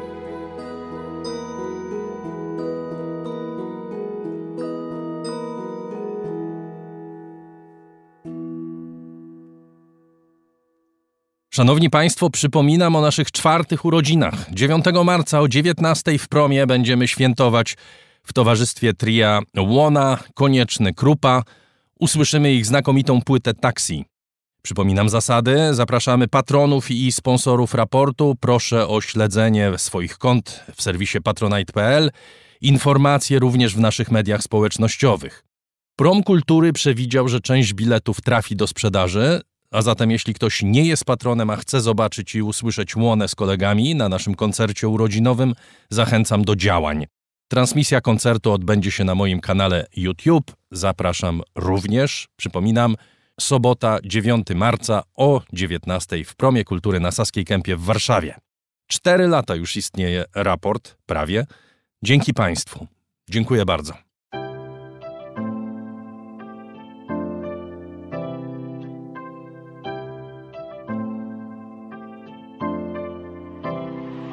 Raport o stanie świata od marca 2020 roku rozwija się dzięki Państwa zaangażowaniu i szczodrości. To dzięki Wam możemy opowiadać o świecie przy pomocy dźwięków. Dzięki Wam ten program jest przygotowywany w profesjonalny sposób z zachowaniem najwyższej jakości, bo na nią właśnie zasługują słuchacze raportu o stanie świata. Z serca dziękuję wszystkim Państwu za wpłaty. Wasza hojność jest dla mnie ogromnym zobowiązaniem. Zbiórka na patronite.pl ciągle trwa, zachęcam do udziału. Najhojniejsi patroni raportu o stanie świata to firma Ampio Smart Home, hotel Bania Termal Iski w Białce Tatrzańskiej, oferujący pakiety pobytowe z termami w cenie. Centrochem, wiodący dostawca surowców chemicznych dla Twojego biznesu. Firma doradcza Crido. Galmet, polskie pompy ciepła. Sklep internetowy goldsaver.pl, w którym sztabkę fizycznego złota kupisz po kawałku i bez wydawania jednorazowo dużych kwot. Radosław Jotko. KR Group. Firma outsourcingowa. www.krgroup.pl Razem w przyszłość. Polsko-Japońska Akademia Technik Komputerowych. Warszawa, Gdańsk, Bytom. Many Mornings. Pierwsze skarpetki nie do pary, które kolorują poranki. Produkowane z radością w Polsce. manymornings.com Michał Małkiewicz. MBM Legal. Reprezentujemy w sprawach kredytowych z bankami. Dom wydawniczy Muza, bo świat nie jest nam obojętny. Northmaster, marka łodzi motorowych z Polski. www.northmaster.pl Pure Play, transparentna agencja mediowa digital i doradca w budowaniu kompetencji in-house. Firma Software Mill, od zawsze zdalni, programują dla całego świata. Michał Sierakowski, nieznany sprawca tradingowego konkursu akademickiego Ustawka Technologiczna www.thebrawl.eu Uber. Myślimy globalnie, działamy lokalnie. A także artrage.pl kameralna księgarnia z e-bookami. Liceum Błeńskiej Gdańsk-Kowale. Przemyślana edukacja w dobrym miejscu. Piotr Bochnia. Michał Bojko. CIO Net and Digital Excellence. Łączymy ludzi i idee. Grupa brokerska CRB. Ubezpieczenie należności dla Twojej firmy. Bezpłatne porównanie ofert www.grupacrb.pl Crystal Mountain. Luksusowy hotel w Beskidach z niezapomnianym widokiem i aquaparkiem. FDS. Nowoczesne podzespoły do reklamy świetlnej oraz luster podświetlanych. Flexi Project kompleksowy i intuicyjny system do zarządzania projektami i portfelami projektów. JMP. Z miłości do sportu, z najlepszych tkanin w sercu Podhala szyjemy dla Was porządną odzież. Palarnia kawy La Cafo z Augustowa. LSB Data. Dedykowane aplikacje internetowe dla biznesu. Masz pomysł? Zrealizujemy go. lsbdata.com Wydawnictwo Uniwersytetu Łódzkiego. Wydawca książek serii Krótkie Wprowadzenie. Wszystko, co trzeba wiedzieć. Nowozelandzkie miody Manuka, MGO Manuka Health. miodymanuka.pl Aplikacja Moja Gazetka. Polska proekologiczna aplikacja zakupowa z gazetkami promocyjnymi i nie tylko. Moja Gazetka. Kupuj mądrze. Firma ODO24. Optymalny kosztowo outsourcing ochrony danych osobowych ODO24.pl. Firma logistyczna ostsped.pl. Transport, magazynowanie, odprawy celne. Z nami Twój biznes nabiera prędkości. Firma Prosper z Sosnowca, hurtownia elektroenergetyczna i właściciel marki Czystuś. Tixto.pl, niezależny serwis biletowy. Sprzedamy bilety na Twoje wydarzenia kulturalne i sportowe. Drukarnia cyfrowa totem.com.pl.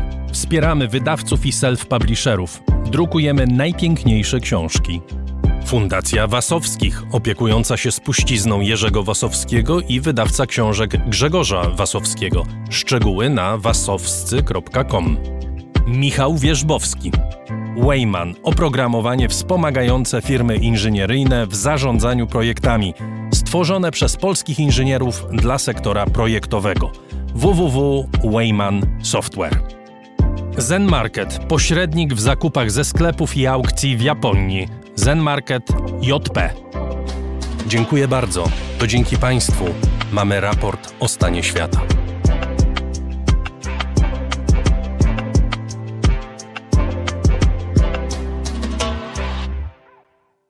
Teraz o torfowiskach, czyli przestrzeniach, które mają ogromne znaczenie dla klimatu na Ziemi. Torfowiska akumulują dwutlenek węgla, uwolniony do atmosfery, nie rozkłada się w niej, oraz metan, rozkłada się w atmosferze po 10-12 latach. Torfowiska osuszone i zamienione w pola uprawne albo użytki zielone uwalniają te dwa gazy cieplarniane. Naukowcy obliczyli, że w ciągu roku z hektara osuszonych torfowisk przedostaje się do atmosfery ponad 30 ton dwutlenku węgla. Gdyby tylko można było ponownie nawodnić wszystkie torfowiska. Badacze z Uniwersytetu w Greifswaldzie testują nowe rozwiązanie w tej sprawie. Przy uniwersytecie założyli szkółkę torfowców, mchów, które mogą rosnąć na ponownie nawodnionych torfowiskach w wymagających warunkach, a potem zamienić się w biomasę. Bartosz Panek odwiedził szkółkę oraz torfowiska w okolicy Anklam w dolinie rzeki Piany.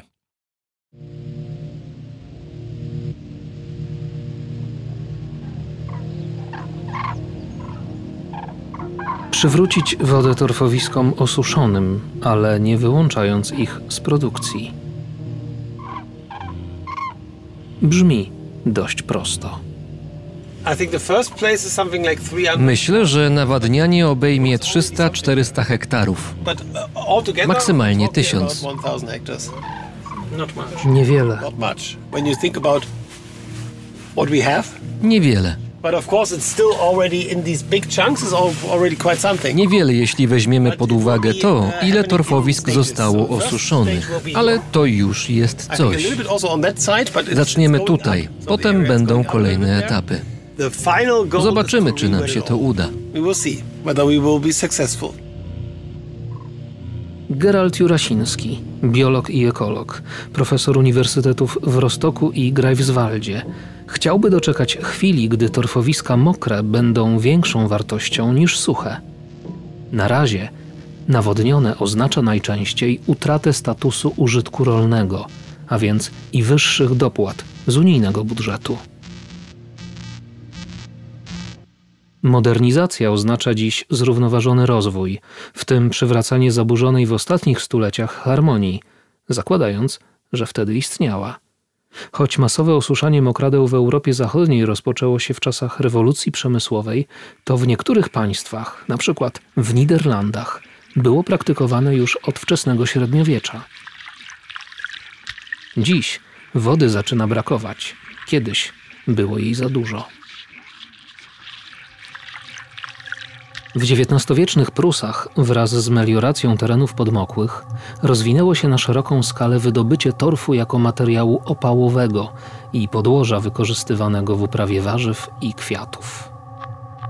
Quite early also in the 19th century people were already like już wczesne relacje z XIX wieku pokazują, że ludzie przeczuwali, choć nie mieli na to naukowych dowodów, że ze zmeliorowanych torfowisk wydobywają się gazy. I nie jest to neutralne dla atmosfery. Kiedy osuszasz torfowiska, na początku znika woda. Teren jakby się kurczył. Potem następuje rozkład. Mikroorganizmy zjadają torf. Zatem już ponad 100 lat temu ludzie byli świadomi, że ciągłe osuszanie torfowisk nie jest niewinne. To, co 150 lat temu pozostawało w sferze domysłów, zostało już udowodnione naukowo.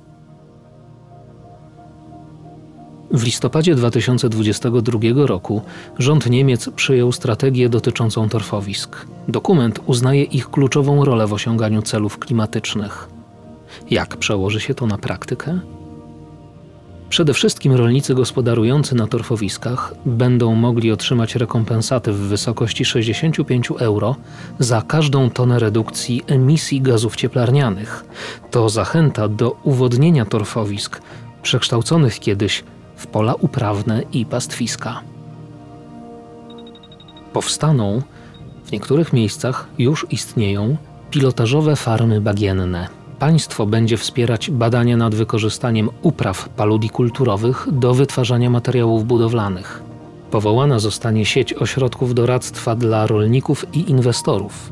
Przewidziane jest wsparcie dla startupów, które chciałyby wprowadzać paludikulturowe innowacje do masowej produkcji.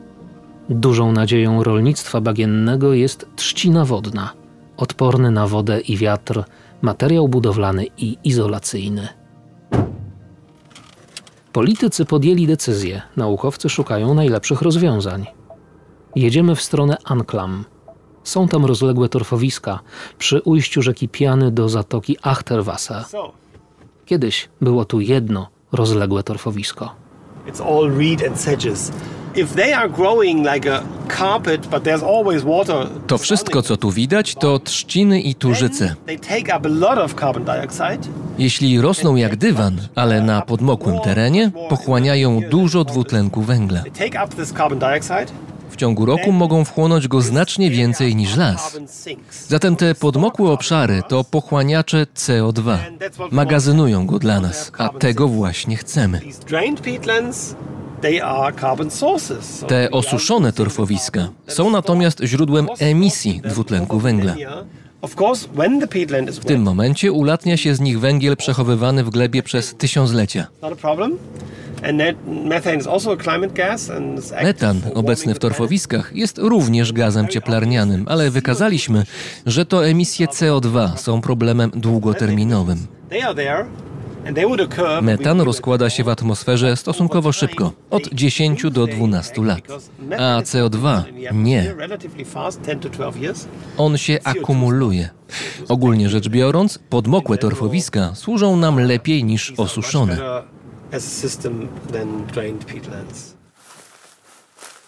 Gerald Jurasiński i jego koledzy z Centrum Mokradeł, działającego przy Uniwersytecie Greifswaldzkim, stworzyli tutaj terenowe centrum badawcze. Stacja z aparaturą pomiarową mieści się pośrodku częściowo zmeliorowanego torfowiska. But what a smell. Mm. Co za zapach. Yeah, very uh, grassy. Bardzo trawiasty. Smell. Świeży i trawiasty zapach.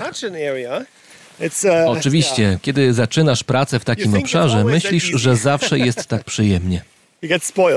Człowiek się rozpieszcza. Mamy tu kamerę, robimy sporo zdjęć.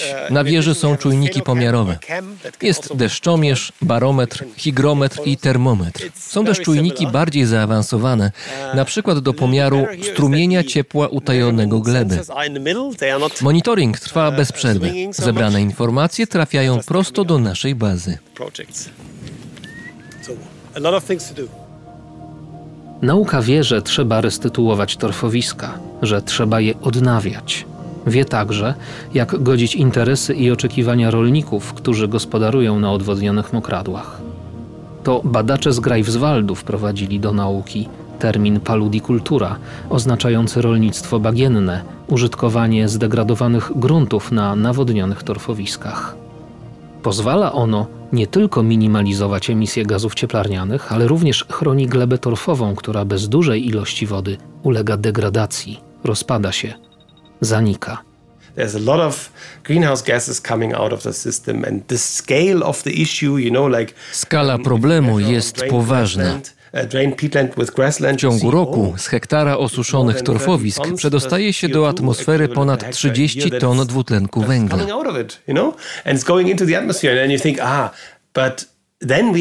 Jeśli chcemy stać się neutralni dla klimatu, nie możemy zajmować się tylko transportem lotniczym albo ogrzewaniem domów, a pomijać torfowiska.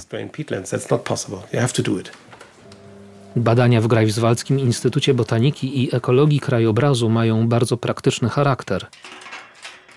Gerald zabiera mnie w kolejne miejsce, tym razem położone kilkadziesiąt metrów od jego uniwersyteckiej pracowni. Now we are here in a, a peat moss nursery. Jesteśmy w szkółce mchu torfowego. Wydzieliliśmy dla niej niewielki obszar między dwiema szopami, otoczony siatką. W ten sposób chronimy nasze uprawy przed ptakami, bo one chętnie wykorzystują mech do budowy gniazd. W czarnych doniczkach, które stoją ciasno w rzędach pod dachem, rosną torfowce. Istnieje wiele gatunków tych mchów. W małej skali możemy poszukiwać tego, który najlepiej poradzi sobie w terenie, w otwartej przestrzeni. Testujemy więc jednocześnie kilkadziesiąt kombinacji. Sprawdzamy, jakie nawodnienie i naświetlenie jest optymalne dla różnych gatunków. W ten sposób szukamy super mchu, który będzie mógł rosnąć na farmach torfowych. Opiekunem szkółki jest biolog Matthias Krebs. Tutaj w bioreaktorze namnażamy materiał siewny. I to jest wielkie wyzwanie, ponieważ gatunki mchu torfowego są chronione w Europie. Ich siedliska znikają dlatego, że rolnicy użytkują grunty, a firmy wydobywające torf nie przestają zmniejszać produkcji. A my potrzebujemy nawet 80 metrów sześciennych materiału początkowego na hektar, by założyć uprawę torfowca na podmokłej działce. Z tego powodu szukamy teraz super mchu.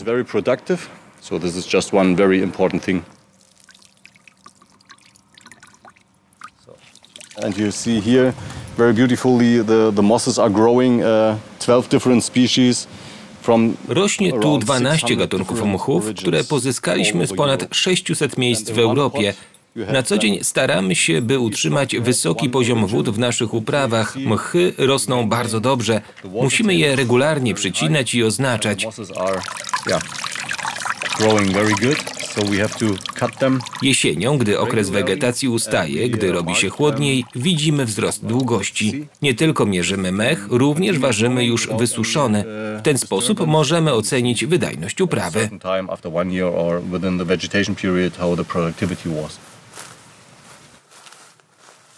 Torfowiska zajmują 5% powierzchni dzisiejszych Niemiec. Prawie wszystkie są osuszone i zmeliorowane. Ponad połowa to użytki zielone, jedna piąta pola uprawne, a 15% zajęły lasy. Tylko 2% torfowisk to bagna, obszary wciąż wypełnione wodą. Mecklenburgia, Pomorze Przednie, na terenie której jesteśmy, to drugi po Dolnej Saksonii niemiecki land z największą powierzchnią torfowisk. Jak pogodzić ustalenia naukowców, oczekiwania polityków dotyczące osiągnięcia neutralności klimatycznej z interesami rolników? Gerald Jurasiński nie daje prostej odpowiedzi. If you change, then you have less money in the beginning. Jeśli zmienisz sposób uprawy, na początku będziesz miał mniej pieniędzy niż inni. To zrozumiałe, że rolnicy mówią: Musimy zobaczyć, że warto to zrobić. Musimy zobaczyć, że możemy uzyskać dochód z upraw, które proponujecie. I musimy zobaczyć, że da się sprzedać nową biomasę na rynku. A ci, którzy chcieliby zbudować firmę wykorzystującą tę nową biomasę, twierdzą, że chcieliby spróbować z nowym biznesem, ale nie ma odpowiednich dostawców. Z kim mają współpracować? Rolnik znów mówi, że nie może sprzedać biomasy, którą wyprodukował, bo nie ma firmy, która by ją od niego kupiła. Na początku to państwo musi sfinansować tę zmianę. Na zmianę w myśleniu o torfowiskach muszą zgodzić się wszyscy aktorzy zaangażowani w ich użytkowanie i ochronę. Każdy musi dostrzec korzyści. Instrumenty prawne wciąż powstają, a sam termin paludikultura – zaczyna wchodzić do debaty publicznej. Geralt mimo wszystko jest optymistą. Yeah, the, the, the thing is that um, they always say money, you know, like if, if we don't know what we can Zawsze pojawią się głosy przeciwne, zwłaszcza ze strony organizacji zrzeszających rolników. Słyszymy, że nasze pomysły są bardzo ciekawe, ale i to ale z reguły oznacza pieniądze, czyli że to, co proponujemy, jest za drogie, że nie można ponownie nawodnić wszystkich torfowisk i nie wiadomo, ile będzie można zarobić, jeśli zmienimy sposób ich użytkowania. W tym momencie ponowne nawodnienie oznacza stratę. W kategoriach rynkowych obniżenie wartości ziemi. Dobrze jednak, że toczy się społeczna debata.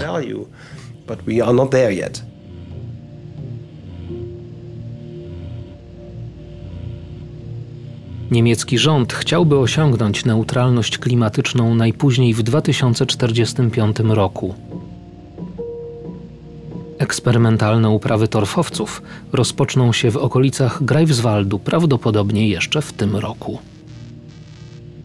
Dla raportu o stanie świata Bartosz Panek, Free Range Productions.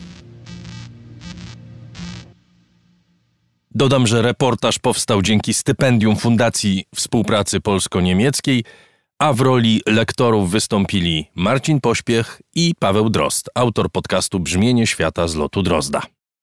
W Kairze spotkali się prezydenci Egiptu i Turcji i jest to przełom w stosunkach między tymi krajami, zwłaszcza ich przywódcami, generałem Assisim i Tayyipem Erdoanem, który przez długi czas nie uznawał prawomocności Assisiego jako prezydenta po tym, jak w 2013 roku objął on władzę, usuwając z urzędu prezydenta Muhammada Mursiego. Rozmowy w Kairze dotyczyły głównie wojny w Gazie, która zdecydowanie zbliżyła obu przywódców i naprawy stosunków dwustronnych, choć tu wielu szczegółów nie znamy. W studio Mariusz Borkowski, były korespondent polskich mediów na Bliskim Wschodzie. Witam pana. Dzień, Dzień dobry. dobry państwu. Podróż Erdoana w cieniu aktualnych wydarzeń w Gazie, ale podróż niezwykle ważna dla polityki na Bliskim Wschodzie, bo chyba dochodzi końca, może jest jakaś e, zmiana w tym sporze, który przybierał ostatnio bardzo ostre formy, od obrażania się nawzajem słownie przez dwóch przywódców, po, i to jest znacznie ważniejsze, zdecydowane różnice również w wymiarze militarnym w kluczowych konfliktach na Bliskim Wschodzie, wojna w Libii, wojna w Syrii, spór o wydobycie surowców na Morzu Śródziemnym, to wszystko dzieliło i do tej pory dzieli Turcję i Egipt. Od czego to się zaczęło? Może jeśli mielibyśmy y, znaleźć taki moment, w którym te drogi się bardzo silnie rozeszły, to kiedy to było? No to było właśnie, kiedy Sisi obalił nie tylko swojego poprzednika Morsiego, ale przede wszystkim od, odseparował, od, wygonił od władzy Bractwo Muzułmańskie. Bractwo Muzułmańskie, które miało świetne kontakty z Turcją. Zresztą po obaleniu, po przejęciu władzy przez Morsiego przed 10 laty, e, tak naprawdę czołowi przywódcy Bractwa e, Muzułmańskiego swoje instytucje, swoje y, organa zarządcze, media przenieśli do Ankary, do Turcji i tam prowadzili bardzo gwałtowną kampanię retoryczną przeciwko władzom Egiptu. No, byli wspierani również aktywnie przez Erdogana. Zresztą zarówno Erdogan, jak i Sisi nie szczędzili sobie obelg, wręcz personalnych. Sisi powiedział, że z tym indywiduum się nigdy nie spotka, mówiąc o Erdoganie, nie poda mu ręki, bo jest niegodny. Erdogan mu się zrewanżował czymś jeszcze mniej parlamentarnym. Krótko mówiąc, wydawało się, że praktycznie stosunki są nie tylko zerwane, bo wycofano ambasadorów, ale że są nie do naprawienia, ponieważ interesy, o których pan wspomniał, to jest nie tylko kwestia wspierania różnych rządów w Libii. Przypomnę, że Egipt wspiera ten rząd w Bengazji, Turcja wspiera e, rząd e, w, e, w Trypolisie. Ale to również była kwestia Sudanu, gdzie znowu wspierano rywalizujące ze sobą frakcje militarne. To były również różnego rodzaju zakulisowe wspierania różnych organów, towarzystw nieformalnych na Bliskim Wschodzie. I okazało się, że ten punkt kiedy mówiono, że jest nie do pogodzenia, że ogień i woda to jest Egipt i Turcja, nagle od 21 roku zaczęło następować pewna bardzo delikatna i mało widoczna odwilż. Ta odwilż dokonywała się pod dyskretnym naciskiem, zabiegami Arabii Saudyjskiej, któremu zależało na tym, żeby no, pojednać nie tylko przeciwników, ale żeby tworzyć jednolity front, zwłaszcza z uwagi na to, co zaczęło się dziać na Bliskim Wschodzie. I teraz od dwóch lat tak naprawdę nastąpiła nie tylko wymiana ambasadorów. Wcześniej, e, pół roku temu, mieliśmy wizyty na szczeblu ministrów spraw zagranicznych. Krótko mówiąc, już było widać przygotowania do tego e, zwrotu, o których teraz się mówi, że nastąpił zwrot o 180 stopni w stosunkach między Kairem a Ankarą. E, obecnie można powiedzieć, no co nastąpiło? Tak naprawdę wymiar ekonomiczny, bardzo istotny, bo dla Ankary Egipt jest bardzo ważny z uwagi na drożejącą siłę roboczą w Turcji. No może to paradoks. Do tej pory Turcja była najtańsza, ale część firm e, tureckich, żeby zwiększyć swą konkurencyjność, przenosi się do Egiptu korzystając z coraz lepszego klimatu. Znowu dla Egiptu e, rynek zbytu e, Ankary, Turcji jest bardzo, bardzo ważny. A więc ma nastąpić w ciągu roku, kilkunastu miesięcy podwojenie wymiany handlowej. To jest pierwsza rzecz bardzo pragmatyczna. Mówi się, że podłożem jest nie tylko deklaracja wspólnych intencji, obaw przed wybuchem konfliktu na Bliskim Wschodzie, bardzo groźnego konfliktu, w którym musiały być zamieszane oba kraje, ale również chodzi o wzajemne wspieranie się konkretnych, pragmatycznych interesów. Jeden pragmatyzm jest jakby podkreślany na czołówce tych punktów zbieżnych, bo nie brakuje rozbieżnych. Dlatego, no właśnie. Y, rozbieżne oczywiście. Wspieramy Panie... różne rządy w Libii. Mamy Sudan, ale już, już jest pogodzenie w sprawie Sudanu. Mamy zbliżenie bardzo istotne stosunków, jeśli chodzi o e, wzajemne koncepcje geopolityczne na Bliskim Wschodzie. Turcja wygasiła, praktycznie zakazała funkcjonowaniu Bractwu Muzułmańskiemu w e, Turcji i propagandy antyegipskiej e, wstrzymała finansowanie. Krótko mówiąc, no, ten werbalne ataki, nie tylko werbalne, właściwie ustały, co dla Sisiego jest dosyć istotnym elementem no, wygaszenia e, kontrowersji. Trzecim elementem, niesłychanie istotnym, to jest poczucie zagrożenia, jeśli chodzi ze strony Izraela i co może nastąpić. Zaraz do tego dojdziemy, ale prześliznęliśmy się po tych kilku latach, które prowadziły do tego momentu, który nastąpił parę dni temu, to znaczy do spotkania Erdoana i Assisiego, te rozmowy zakulisowe wynikały również z tego, że Egipt czuł się lekko osamotniony po podpisaniu przez kraje muzułmańskie porozumień z Izraelem, prawda? Turcja od samego początku bardzo silnie wspierała Palestyńczyków. Pamiętamy, przez ostatnie dekady dochodziło do bardzo różnych sporów, między innymi fregata turecka, która wiozła pomoc e, dla gazy, została zaatakowana przez komandosów e, izraelskich. To było jednym z powodów ogromnych napięć. y, między Turcją i Izraelem. To wszystko przez lata zbliżało jednak Turcję i Egipt w sensie, nie wiem czy strategicznym, ale na pewno taktycznym. To znaczy ten wspólny wróg okazał się czymś, co bardzo silnie spaja te dwa kraje w tej chwili. Oczywiście, y, jeśli chodzi nawet o retorykę, Erdogan jest bardzo gwałtowny w tej retoryce. Mówi, że to, co się dzieje obecnie w Gazie, to jest zbrodnia ludobójstwa, za który powinien Izrael stanąć przed Międzynarodowym Trybunałem. Sisi, ponieważ jest mediatorem próbuje no, załatwić, tak się wyrażę, wspólnie y, z Katarem i Zjednoczonymi Emiratami Arabskimi dotarcie pomocy humanitarnej do Palestyńczyków. Jest mniej radykalny w tych słowach, ale oba kraje w wersji e, no, jakby politycznej mają dosyć zbliżone stanowiska. Uważają, że to, co się dzieje z Palestyńczykami, to jest nie tylko zbrodnia ludobójstwa, ale zagraża stabilności całego regionu. Pamiętajmy o czym. Stosunki między e, Turcją a Izraelem politycznie są złe. Erdogan powiedział, że w miarę tego, co się dzieje, to on tą retorykę będzie zwiększał, on będzie naciskał i tak dalej, tak dalej. Krótko mówiąc, radykalizacja stanowiska politycznego jest znaczna, ale jego ministrowie mówią, to nie oznacza wcale, że zepsujemy dobre stosunki ekonomiczne z Izraelem. Tamten wątek jest bardzo istotny i nie nastąpiło jeszcze zerwanie. Ale to na tym też polega taka gra nieco dziwna, uprawiana przez różne kraje na Bliskim Wschodzie, no bo przecież Egipt, który tak silnie wspiera Palestyńczyków i tak mocno jest zaangażowany w sprawę palestyńską, nie chce ani jednego Palestyńczyka u siebie. Ale to jest bardzo pragmatyczne i bardzo konkretne. Jeśli zaczęliby przyjmować Palestyńczyków, to oni doskonale wiedzą, o co chodzi Izraelowi. Wypędzić 2,5 miliona Palestyńczyków żyjących w gazie, opróżnić gazę, wyrzucić tych Palestyńczyków na Synaj i niech ten problem z Palestyńczykami mają Egipcjanie. No bo zaczną się niesnaski, Palestyńczycy będą chcieli utworzyć jakąś namiastkę autonomii. Krótko mówiąc, cały Będziemy problem... mieli powtórkę z Jordanii. Powtórka z Jordanii, z Czarnego Września, pamiętamy rok 75 i późniejsze, co się działo. Krótko mówiąc, Sisi, nie tylko Sisi, ale Erdogan doskonale wie, że jeśli by otwarto granice w kierunku Egiptu, no to cały problem przetoczyłby się w tym w tą stronę. Gazy już nikt nie odzyskałby ze strony Izraela. Izrael zrekolonizowałby Gazę i krótko powiedział, już nie ma problemu gazy.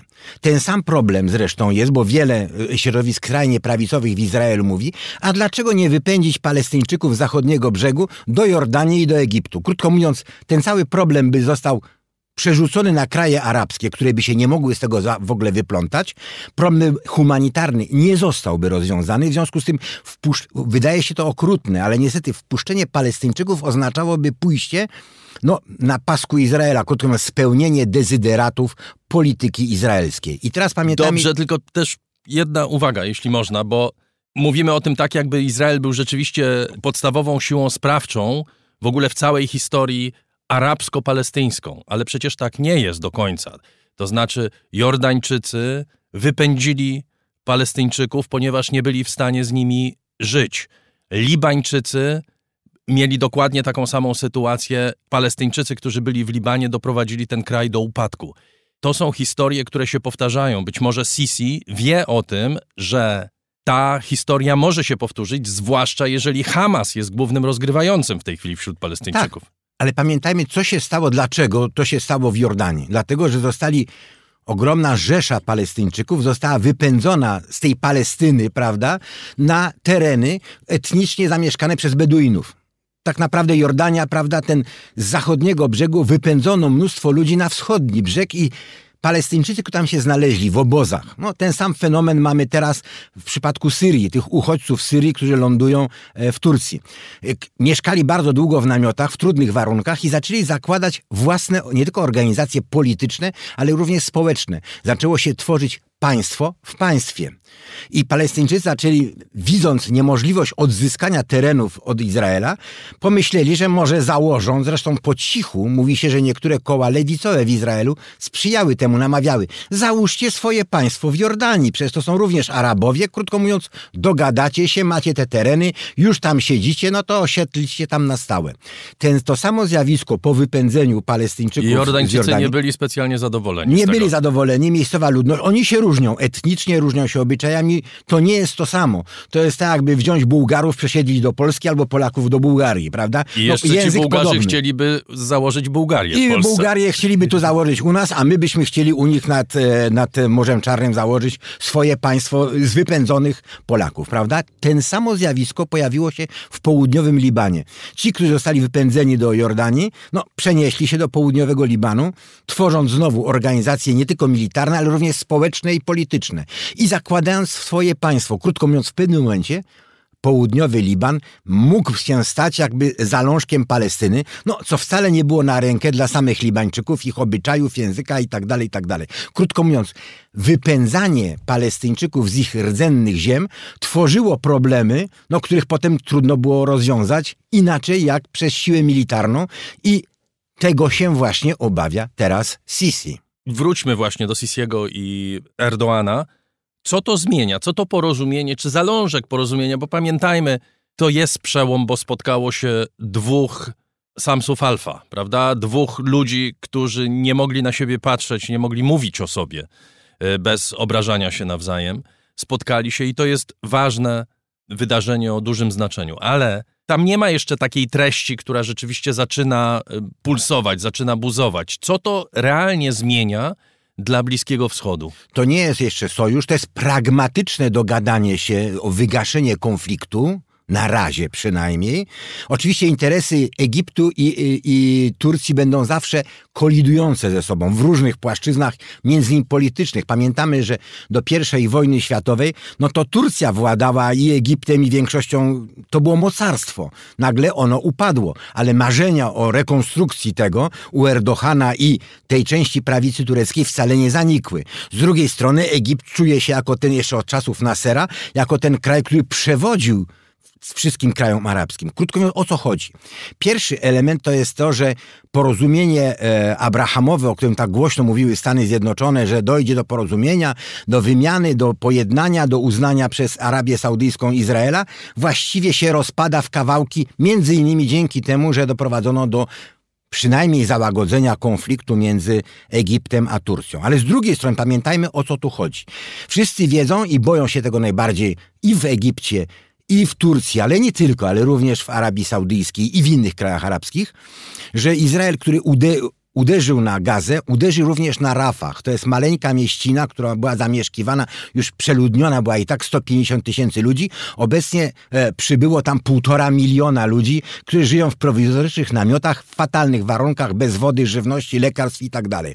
I Izrael, który mówił, udajcie się do Rafah, tam będziecie bezpieczni, my będziemy prowadzili operację w samej gazie, ale tam wam się krzywda nie stanie. I teraz Izrael zapowiada, że uderzy również na Rafah i są zresztą już uderzenia i Egipt, Tutaj istotą rzeczy jest ofensywa lądowa, prawda? Tak, to jest, to jest po prostu to masakra. zapowiada, Są operacje to, to wojskowe. zapowiada tak, Izrael.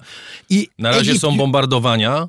Ale już nawet czołgi się pojawiły, bo pamiętamy, że yy, szpital Nasera, który jest jednym z największych szpitali w strefie gazy, został ostrzelany przez czołgi izraelskie, chociaż jeszcze dzień wcześniej Izraelczycy twierdzili, schrońcie się w szpitalu, nic wam się nie stanie. No obecnie żołnierze szturmują sam szpital, strzelani na wewnątrz, twierdzą, że tam są samach samachowcy, ale BBC, która weryfikowała, ma taki organ u siebie, twierdzi, że są be, po prostu bezpodstawne, że snajperzy strzelają przez okna do pacjentów, do obsługi medycznej. I, i Egipt 12 godzin temu powiedział, do Izraela. Zaatakujecie Rafah, zrywamy, zawieszamy porozumienie pokojowe wynegocjowane w Camp David.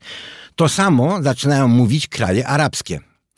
E, e, Turcja mówi, na razie chcemy dostarczyć pomoc humanitarną. Ale jeśli dojdzie do masakry cywilów, o czym mówi Erdogan, do ludobójstwa jeszcze tu przy granicy egipskiej, to wówczas zrewidujemy nasze stanowisko i wyciągniemy z tego konkretne y, praktyczne wnioski. No, może być to nie operacja lądowa, natomiast może być to zwiększone wspomaganie między innymi dla Hamasu. Pamiętajmy, że Erdogan miesiąc temu powiedział, że Hamas to jest organizacja wyzwoleńcza, a nie żaden terroryzm i operacje przeciwko niej są takie same jak przez białych osadników e, e, ro, e, rozstrzeliwanie i mordowanie e, czarnych e, partyzantów w południowej Afryce. Krótko mówiąc, ta sytuacja się bardzo zaognia. Izrael chce do końca tą operację doprowadzić, niemniej jednak ta konsolidacja widoczna między Turcją a Egiptem, przynajmniej w tej sprawie, ale również milcząca konsolidacja i coraz bardziej chłodne i niechętne stosunki innych krajów arabskich sprawiają, że Izrael będzie znajdował się w coraz większej próżni wewnątrz świata arabskiego i porozumienia abrahamowe czy jakiekolwiek indziej odpływają daleko, daleko to nie oznacza, że kraje arabskie wypowiedzą wojnę Izraelowi, to daleko od tego, ale będą wspierały wszelkie akcje, również zbrojne, e, wspierane e, przez organizacje palestyńskie, zbrojne, to już nie będzie Fatah, która dogadywała się z Izraelem, to jest Hamas, który mówi, że walka na śmierć i życie. I to jest groźba że... dla całego Bliskiego Wschodu, że on zapłonie. Pamiętajmy, że e, sympatykiem Hamasu, czy wspierającym Hamas jest również Iran, któremu ta konfrontacja byłaby bardzo na rękę. I jeszcze za chwilę powiemy o tym, co dzieje się na północnej granicy Izraela, na południowej granicy Libanu, ale nawiązując do tego, o czym pan powiedział w sprawie tej ewentualnej ofensywy na Rafah, Izrael jest nie tylko pod presją ze strony państw arabskich czy ze strony Egiptu, tylko jest przede wszystkim pod presją ze strony Amerykanów. Wydaje się, że premier Netanyahu nic sobie z tego nie robi. To znaczy, najprawdopodobniej wśród Izraelczyków, czy w tym gabinecie panuje takie przekonanie, że cokolwiek nie zrobi Izrael, wsparcie Amerykanów nie ulegnie zmianie, ponieważ kogo mają wspierać w tym konflikcie? No przecież nie będą wspierać Hamasu. Musi Ameryka wspierać Izrael, bo tylko ten kraj realizuje interesy Ameryki w regionie w takim stopniu, w jakim y, Waszyngton tego oczekuje. Tutaj Netanyahu gra, można powiedzieć, że znaczonymi kartami, ale te karty są na tyle dobre, że może nimi wistować cały czas. Pamiętajmy dwie okoliczności. Zbliżające się wybory prezydenckie w Stanach Zjednoczonych i rolę, jaką odgrywa nie tylko e, lobby proizraelskie składające się z samych, powiedzmy, Żydów w Ameryce, ale również dużej części konserwatywnych republikanów, dla których Izrael jest fundamentem współczesnego świata chrześcijańskiego, prawie że. Czy w ogóle, prawda, jakiegoś koncepcji zachodniej. Tak. I w Stanach Zjednoczonych, oczywiście jeśli chodzi o Trumpa czy republikanów, nie ma w ogóle mowy, żeby zawahać się czy zmniejszyć wsparcie dla Izraela. To jest w ogóle wykluczone i o tym Netanyahu doskonale wie, ale również na, taki, na jakiekolwiek ochłodzenie stosunków z Izraelem nie mogą sobie pozwolić demokraci ani Biden, który stara się o reelekcję, bo to byłby absolutnie śmiertelny cios i on by po prostu już przegrał w przedbiegach. Krótko mówiąc, w Stanach Zjednoczonych koncepcja ochłodzenia się czy cenzurowania Netanyahu jest niemożliwa. Jedyne co robią, no to jest mówienie, że to właściwie to jest operacja niedobra, trochę wykroczyła no nie, no. poza grożą poza... im, to znaczy tak. mówią o tym, że nie będą wspierać nie będą... operacji of e, ofensywy lądowej, tylko co to konkretnie znaczy? No nic Ale nie to znaczy. nic nie znaczy, dlatego że w ramach pakietu pomocy, który również Biden forsuje, chociaż chyba przez e, e, Izbę Reprezentantów to nie przejdzie, mówi się o jednej strony pakiecie wojskowym pomocy dla Ukrainy, ale drugi bardzo znaczący pakiet jest pomocy zbrojeniowej dla Izraela. Izrael może w sposób nie skończony.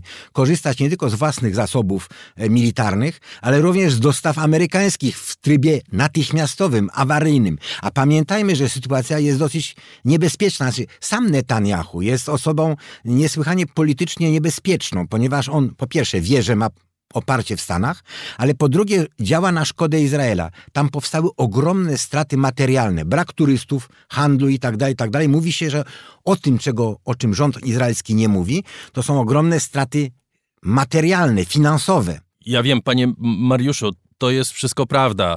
Jest 400 tysięcy rezerwistów, którzy y, są opłacani przez rząd. Jest 100 tysięcy uchodźców spod granicy libańskiej i kilkadziesiąt tysięcy ciągle spod gazy, którzy mieszkają w hotelach opłacani przez rząd. Jest cios dla gospodarki izraelskiej, jest również nowy budżet izraelski opiewający na dodatkowe 50 miliardów e, dolarów na prowadzenie wojny. Są dodatkowe pożyczki. Izrael zawsze dostanie pożyczki na rynkach finansowych. Przewidywanie, że Izraelowi nie starczy pieniędzy na tę wojnę, jest jednak nietrafne. Po prostu to jest niemożliwe, żeby im nie starczyło pieniędzy. Ale pamiętam jeszcze o jednej rzeczy. O pierwsze, Netanyahu gra znaczonymi kartami, wie, że amerykańskie poparcie finansowe, militarne jest nieskończone i nieograniczone. Z drugiej strony ma oparcie w dużej części społeczeństwa izraelskiego, gdzie wygasił ten konflikt między nim a społeczeństwem, że jest e, e popełnił nadużycia, że usiłuje zmienić konstytucję i tak dalej. To wszystko wygasił. Po no, trzecie, trudno gra... mówić, że to wygasił. To znaczy to, to że, w tej chwili, to, że w tej chwili nie ma co, cotygodniowych protestów, tak jak były w zeszłym roku, to nie znaczy, że wygasił. To jest ciągle spolaryzowane społeczeństwo. Jest spolaryzowane, tylko że jest, on operuje zasadniczym argumentem tak jak prawica izraelska. Jesteśmy w stanie wojny. Ktoś, kto się wypowiada przeciwko nam, wypowiada się również, jest zdrajcą Izraela. I trzecia rzecz, która jest niesłychanie istotna. Jeśli Netanyahu zakończyłby tą operację źle, przegrałby w jakikolwiek sposób, to przegrywa, ustępuje i wówczas pociągają do odpowiedzialności sądowej, trafia do więzienia na pewno. Czyli mamy pewne czynniki, które sprzyjają, które pozwalają mu prowadzić tą wojnę. To, że on jest żywotnie zainteresowany, żeby ta wojna trwała w nieskończoność. Zresztą o tym prywatnie mówili, o tym y, wielu, wielu oficjeli rządu izraelskiego mówiło, my możemy tą wojnę prowadzić i dwa, i trzy, cztery lata do końca. Niektórzy mówili do ostatniego Palestyńczyka. W związku z tym tak naprawdę niektórzy w Izraelu e, za, e, pojmują, że właściwie po pierwsze można skończyć z gazą, po drugie radykalne stanowisko kolonistów żydowskich na zachodnim brzegu, gdzie strzelają do cywilów palestyńskich, w czasie tej wojny spotyka się z żadną reakcją na świecie, co prawda we Francji i Wielkiej Brytanii 38 kolonistów uznano za persona non grata, prawda? Uznano również kilku żołnierzy, którym udowodniono w strefie gazy, że bili, obnażali e, jeńców palestyńskich, cywilów w ogóle, prawda? Że były to przestępstwa wojenne, wręcz zbrodnie wojenne. No trochę to się mówi na marginesie, ale Izrael korzysta z tego bagażu, jak to się mówi, ulg specjalnych. To znaczy, zaatakowano nas, mścimy się, mamy, prawda, mieliśmy 1200 zabitych, a tamci mają 28 tysięcy, no i to pokazujemy, że będziemy walczyli dalej. I niestety wydaje się, że Izrael tą operację mimo różnych nacisków będzie prowadził do samego końca, to znaczy do tragicznego końca, mówiąc. Jeszcze jedna y, strefa, o której warto, żebyśmy wspomnieli w tej rozmowie. Zaognia się sytuacja na granicy libańsko-izraelskiej i Izrael traci cierpliwość, bo do tej pory on odpowiadał oczywiście na ostrzały Hezbollahu, ale te ostrzały od kilku tygodni wzmagają się. 100 tysięcy ludzi, jak wspomniałem, z tej strefy nadgranicznej zostało ewakuowanych. W Izraelu jest sto kilkadziesiąt tysięcy uchodźców wewnętrznych, o tym też trzeba pamiętać. Czyli ludzi, którzy nie mogą mieszkać w miejscach, gdzie są ich domy, ponieważ te domy są non-stop ostrzeliwane albo przez Hezbollah, albo przez Hamas. Ta sytuacja się zaognia. Cały czas Iran, który jest właściwie można powiedzieć właścicielem Hezbollahu, chociaż się tego wypiera w sensie operacyjnym, chyba nie chce otwartego starcia między Hezbollahem a Izraelem. Nie, dlatego że taka wojna podjazdowa jest najbardziej skuteczna dla wszelkich ruchów partyzanckich czy zbrojnych, ponieważ e, szalenie trudno prowadzić operacje zbrojne przeciwko luźnym grupkom, nawet nieźle uzbrojonym.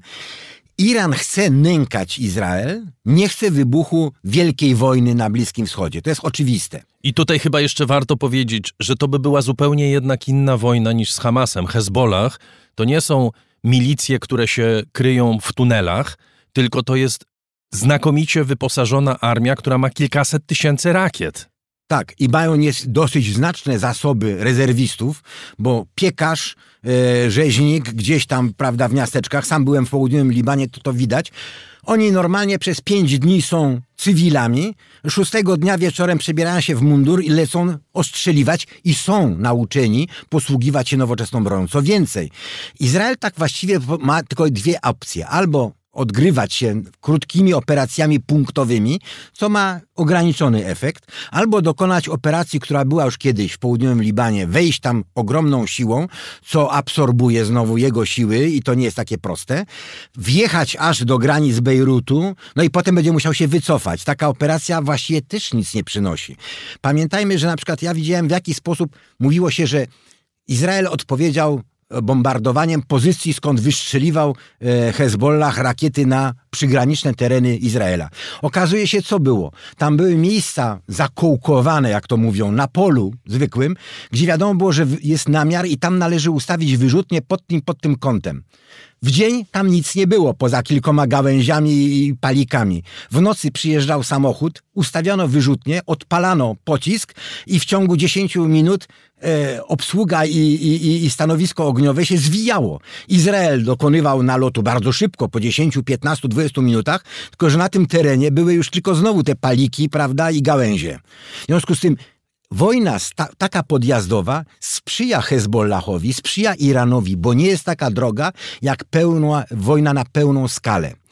I właściwie ta sytuacja już wielokrotnie podkreślano z Palestyńczykami, z południowym Libanem, e, nawet z Syrią, będzie się ciągnęła w nieskończoność. Jedynym rozwiązaniem jest jakieś rozwiązanie pokojowe, no, którego na razie nie widać i chyba jeszcze bardzo długo nie będzie na to żadnych szans, a ono się oddala w miarę, jak coraz bardziej gwałtowne są te operacje zbrojne, w jaki sposób traktuje Izrael, no nawet samych cywilów palestyńskich. Krótko mówiąc, o ile po porozumieniach w Madrycie mówiło się, no to jedno pokolenie, może półtora, może dwa pokolenia i jakiś modus vivendi między Palestyńczykami a Żydami może się pojawić, e, to tyle teraz właściwie się mówi, że a może cztery, może pięć, może sześć pokoleń, a może jeszcze więcej. A może nigdy. Dziękuję bardzo. Mariusz Borkowski, były korespondent polskich mediów na Bliskim Wschodzie, był gościem raportu o stanie świata.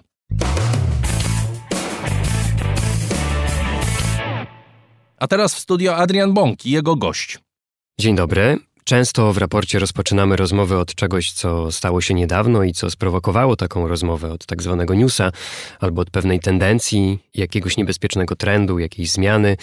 O Somalii właściwie już się nie mówi w ogóle, tak jakby wszystko, co miało się tam stać w domyśle, wszystko co najgorsze się już stało, jakby nie było już powodu mówić o Somalii, bo niby o czym że to kraj upadły, że rządzą nim przestępcy, terroryści, aż szabab, że ludzie umierają z głodu.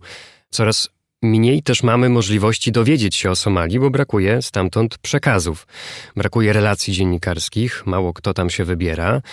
Cieszę się, że dziś taka okazja się przytrafiła, bo z Somalii wrócił niedawno Maciej Czarnecki, dziennikarz Gazety Wyborczej. Dzień dobry. Dzień dobry, witam serdecznie. Zaraz powiemy o tym kraju więcej, ale powiedz, skąd w ogóle wziął się pomysł na podróż dziennikarską do Somalii i jak wyglądała jego realizacja, bo to jest tego typu wyjazd, który oczywiście wymaga przygotowania, prawda? Tak, do Somalii rzeczywiście bardzo trudno wyjechać i ten brak relacji dziennikarskich z Somalii wynika nie tylko z braku zainteresowania Afryką, który niestety trochę widać w polskich mediach, ale też z tego, że to jest duże przedsięwzięcie logistyczne. Miałem okazję, żeby zabrać się do Somalii z polską akcją humanitarną i, no i ją wykorzystałem. Pach prowadzi tam działania już od 2011 roku, skupia się na dostępie do wody. No i w, mogłem trochę pojeździć e, razem z nimi, zobaczyć, e, co robią w obozach dla osób wewnętrznie przesiedlonych, dla uciekinierów po prostu z prowincji których setki tysięcy e, ściągają do Mogadiszu i każdego większego miasta w Somalii. O tym będziemy jeszcze za chwilę pewnie mówić, bo zmiany klimatyczne to był w zasadzie temat numer jeden tego wyjazdu. Ja to nie do końca planowałem, bo nie wiedziałem też, co zostanę tam na miejscu. Ty byłeś tam pierwszy raz, prawda? W Somalii? Byłem pierwszy raz na miejscu, tak. Tam jest tyle problemów, było i jest niestety tyle problemów, że y, do końca nie wiedziałem, czy bardziej się będę skupiać na tych kwestiach bezpieczeństwa. One są dalej oczywiście ważne. My tam y, podróżowaliśmy autem opancerzonym z obstawą 12 zbrojnych ludzi z kałasznikowami. Także dla białego Europejczyka dalej jest tam bardzo niebezpiecznie, bo chociaż e, ofensywa e, wojsk somalijskich wspieranych przez wojska Unii Afrykańskiej i z powietrza drony tureckie i amerykańskie no, odepchnęła e, oddziały dżihadystów z Ash-Shabaab od miasta, to jednak ci dżihadyści cały czas są jakoś w mieście obecni. Infiltrują je, są tam ludzie Ash-Shabaab, za chwilę powiemy o tych wszystkich problemach, powiemy też o zmianach klimatycznych. To jest niewątpliwie bardzo duży temat w Somalii, ale Skupmy się jeszcze na tym samym początku, bo zastanawiam się, bo zawsze jest tak, że jak się gdzieś wybierasz, to oczywiście czytasz wiele o tym miejscu, wiesz już wiele o tym miejscu, wizualizujesz sobie taką podróż, nastawiasz się, oglądasz y, zdjęcia. Ja pamiętam, że jak y, jechałem do Turcji po trzęsieniu ziemi, to nigdy nie widziałem miejsca, gdzie było trzęsienie ziemi. Oczywiście przeczytałem mnóstwo artykułów, zobaczyłem mnóstwo zdjęć z Turcji, jak wyglądają miejsca, w których było trzęsienie ziemi, ale jednak jak później lądujesz w takim miejscu i to to wszystko gdzieś nie ma znaczenia, bo masz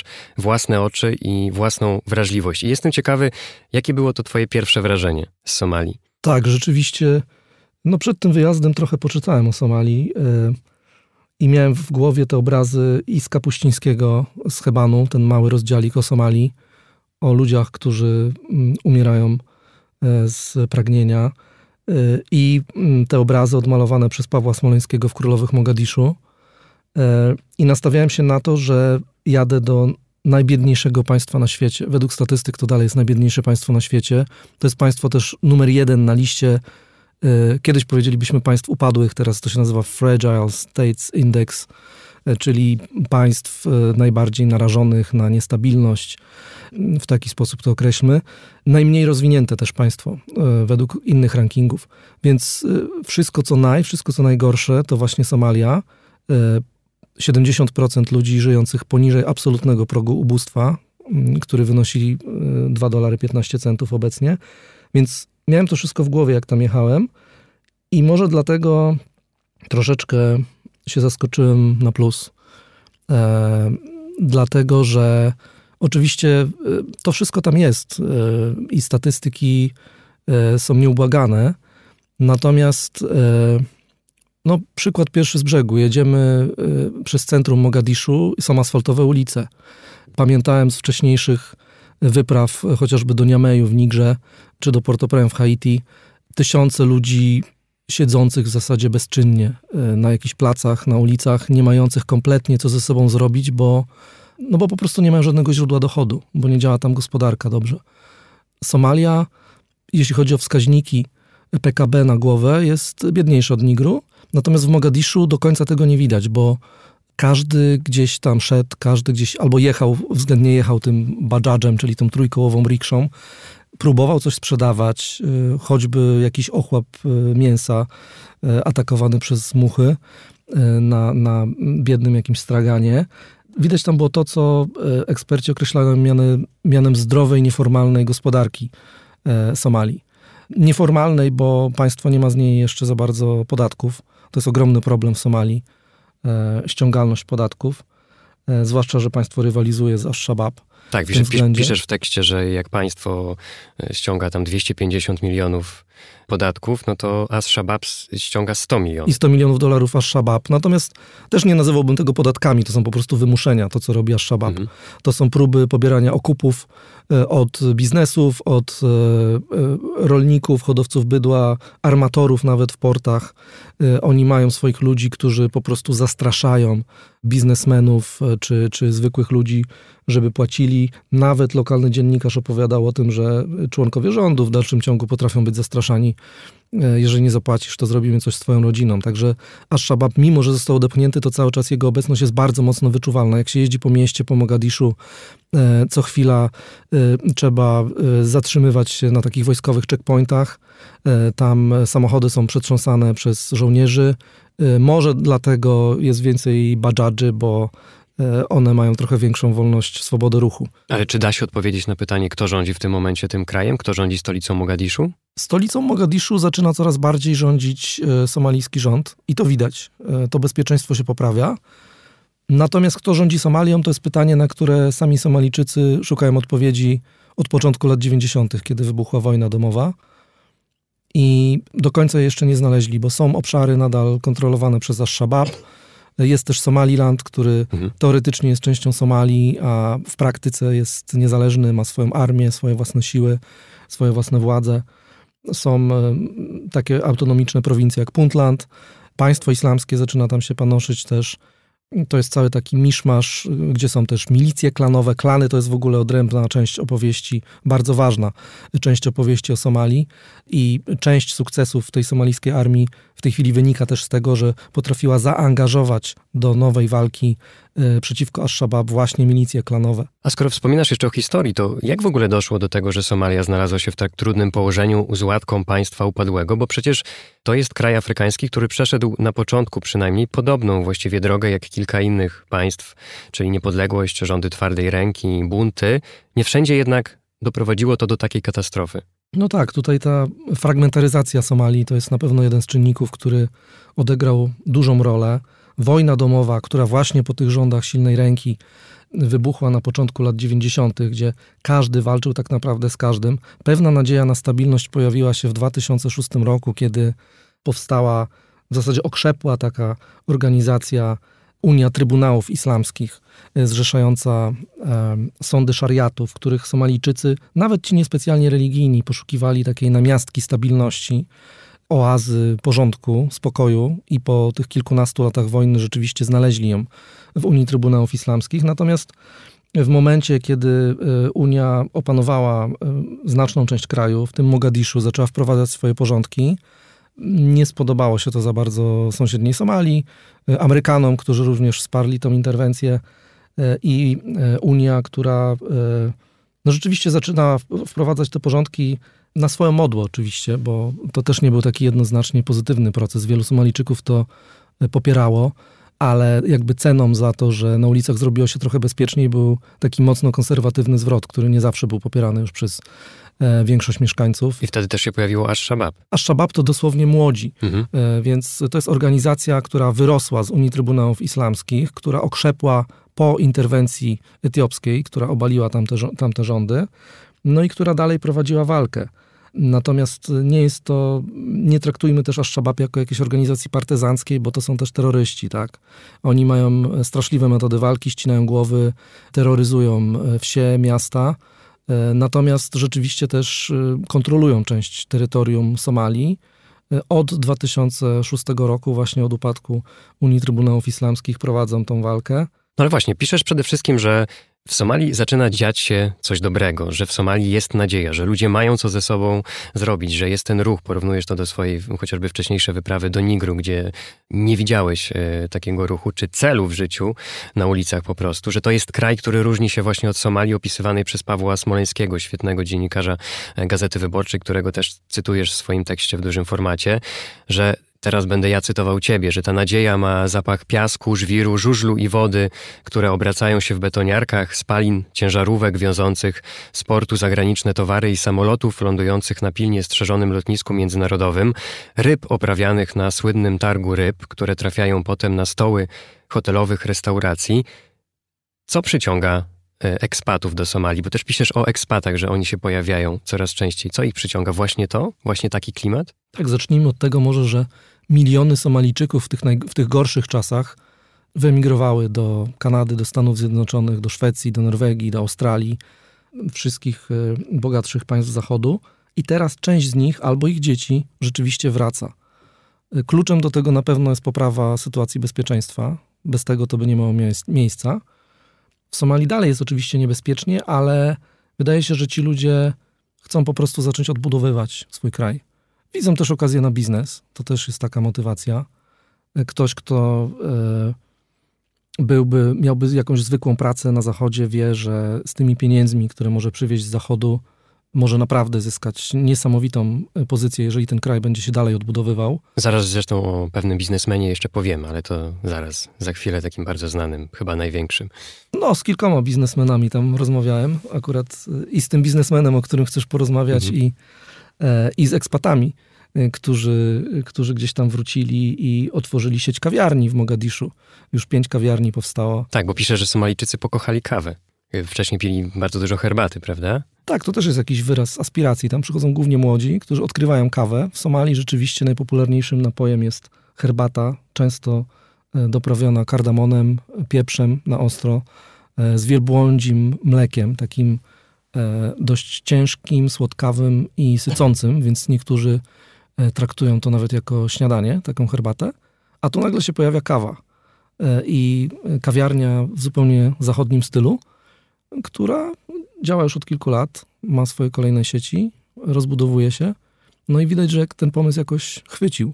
Całe Mogadiszu to jest w zasadzie teraz, nie, całe to przesadzam, ale są liczne części Mogadiszu, gdzie można powiedzieć, że to jest plac budowy.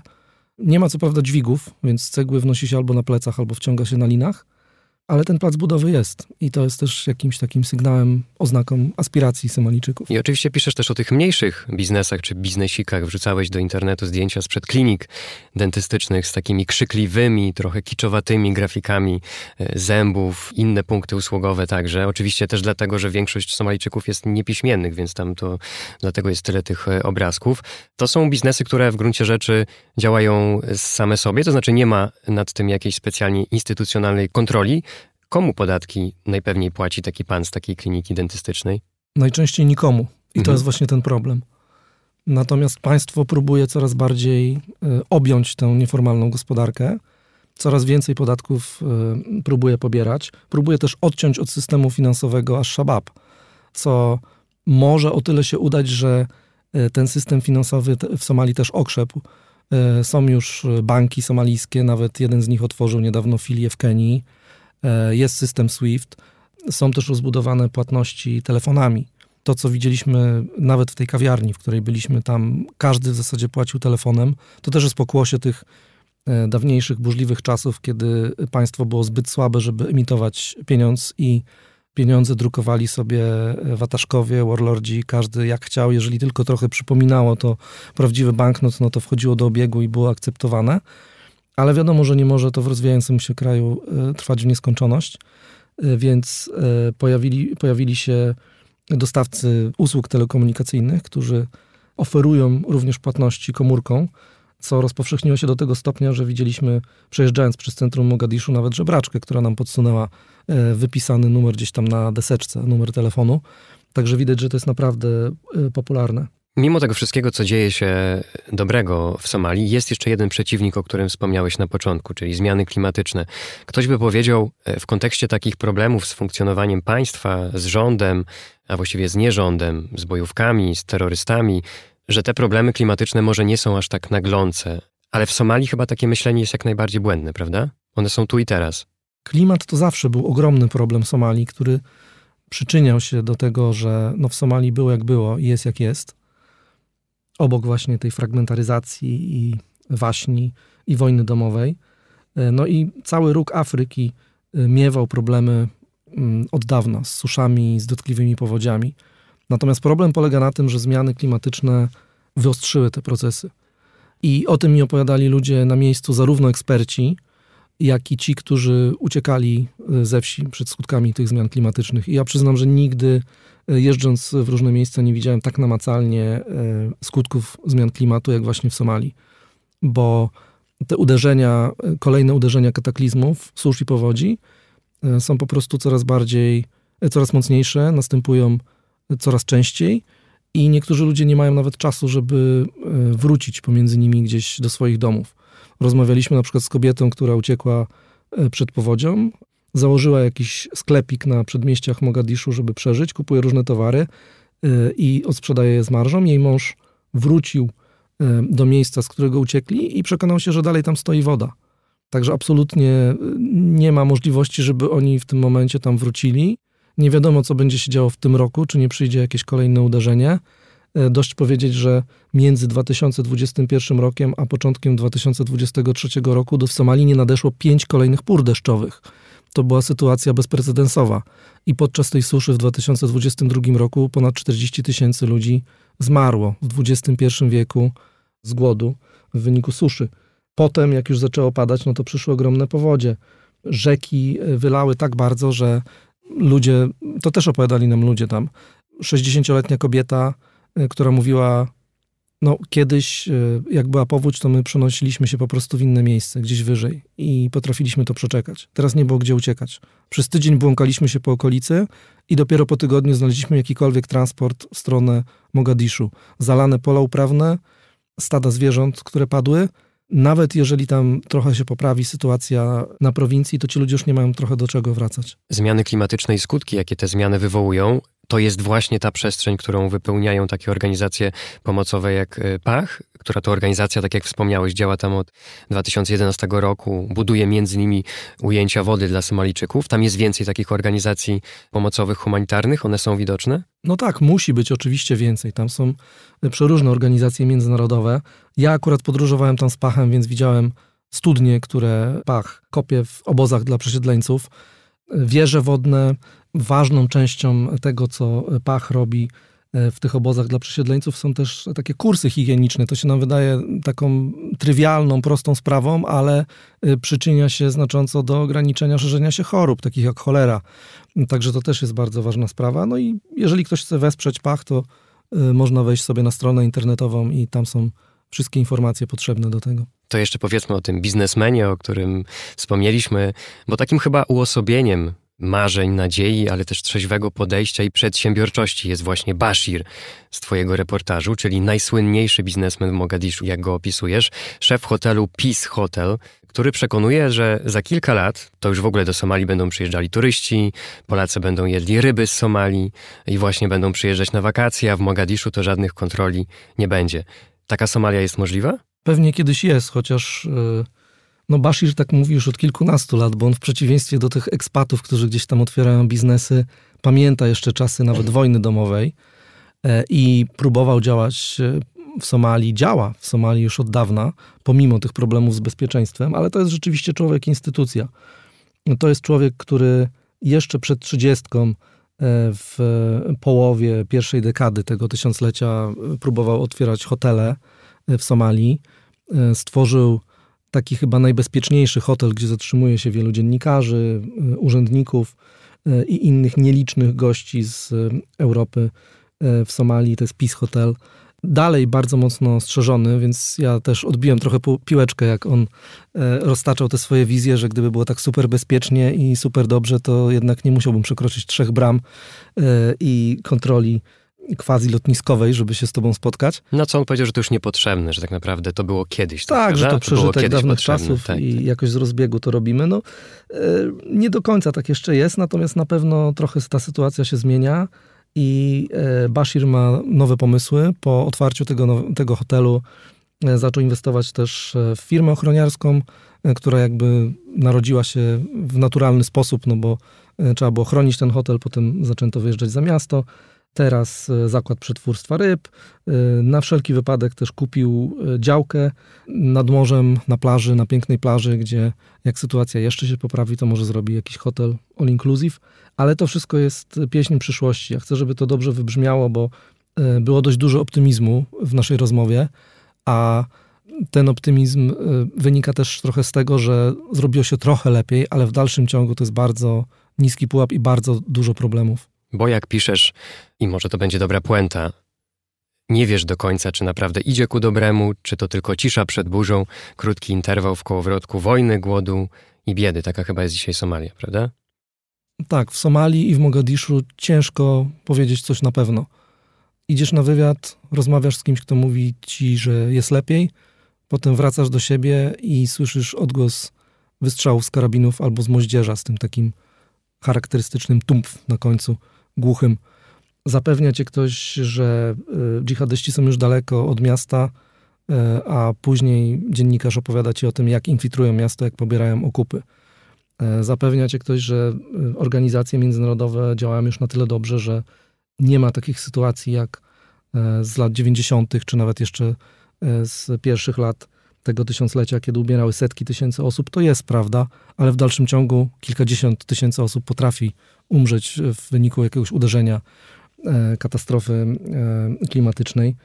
Więc szklanka jest do połowy pełna i do połowy pusta zależy jak na to spojrzeć. To jest na pewno kraj, który ma masę problemów, ale też masę nadziei.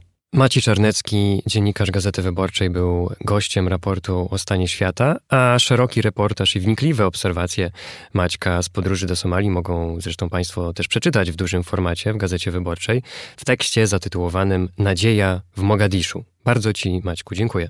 Dziękuję za zaproszenie.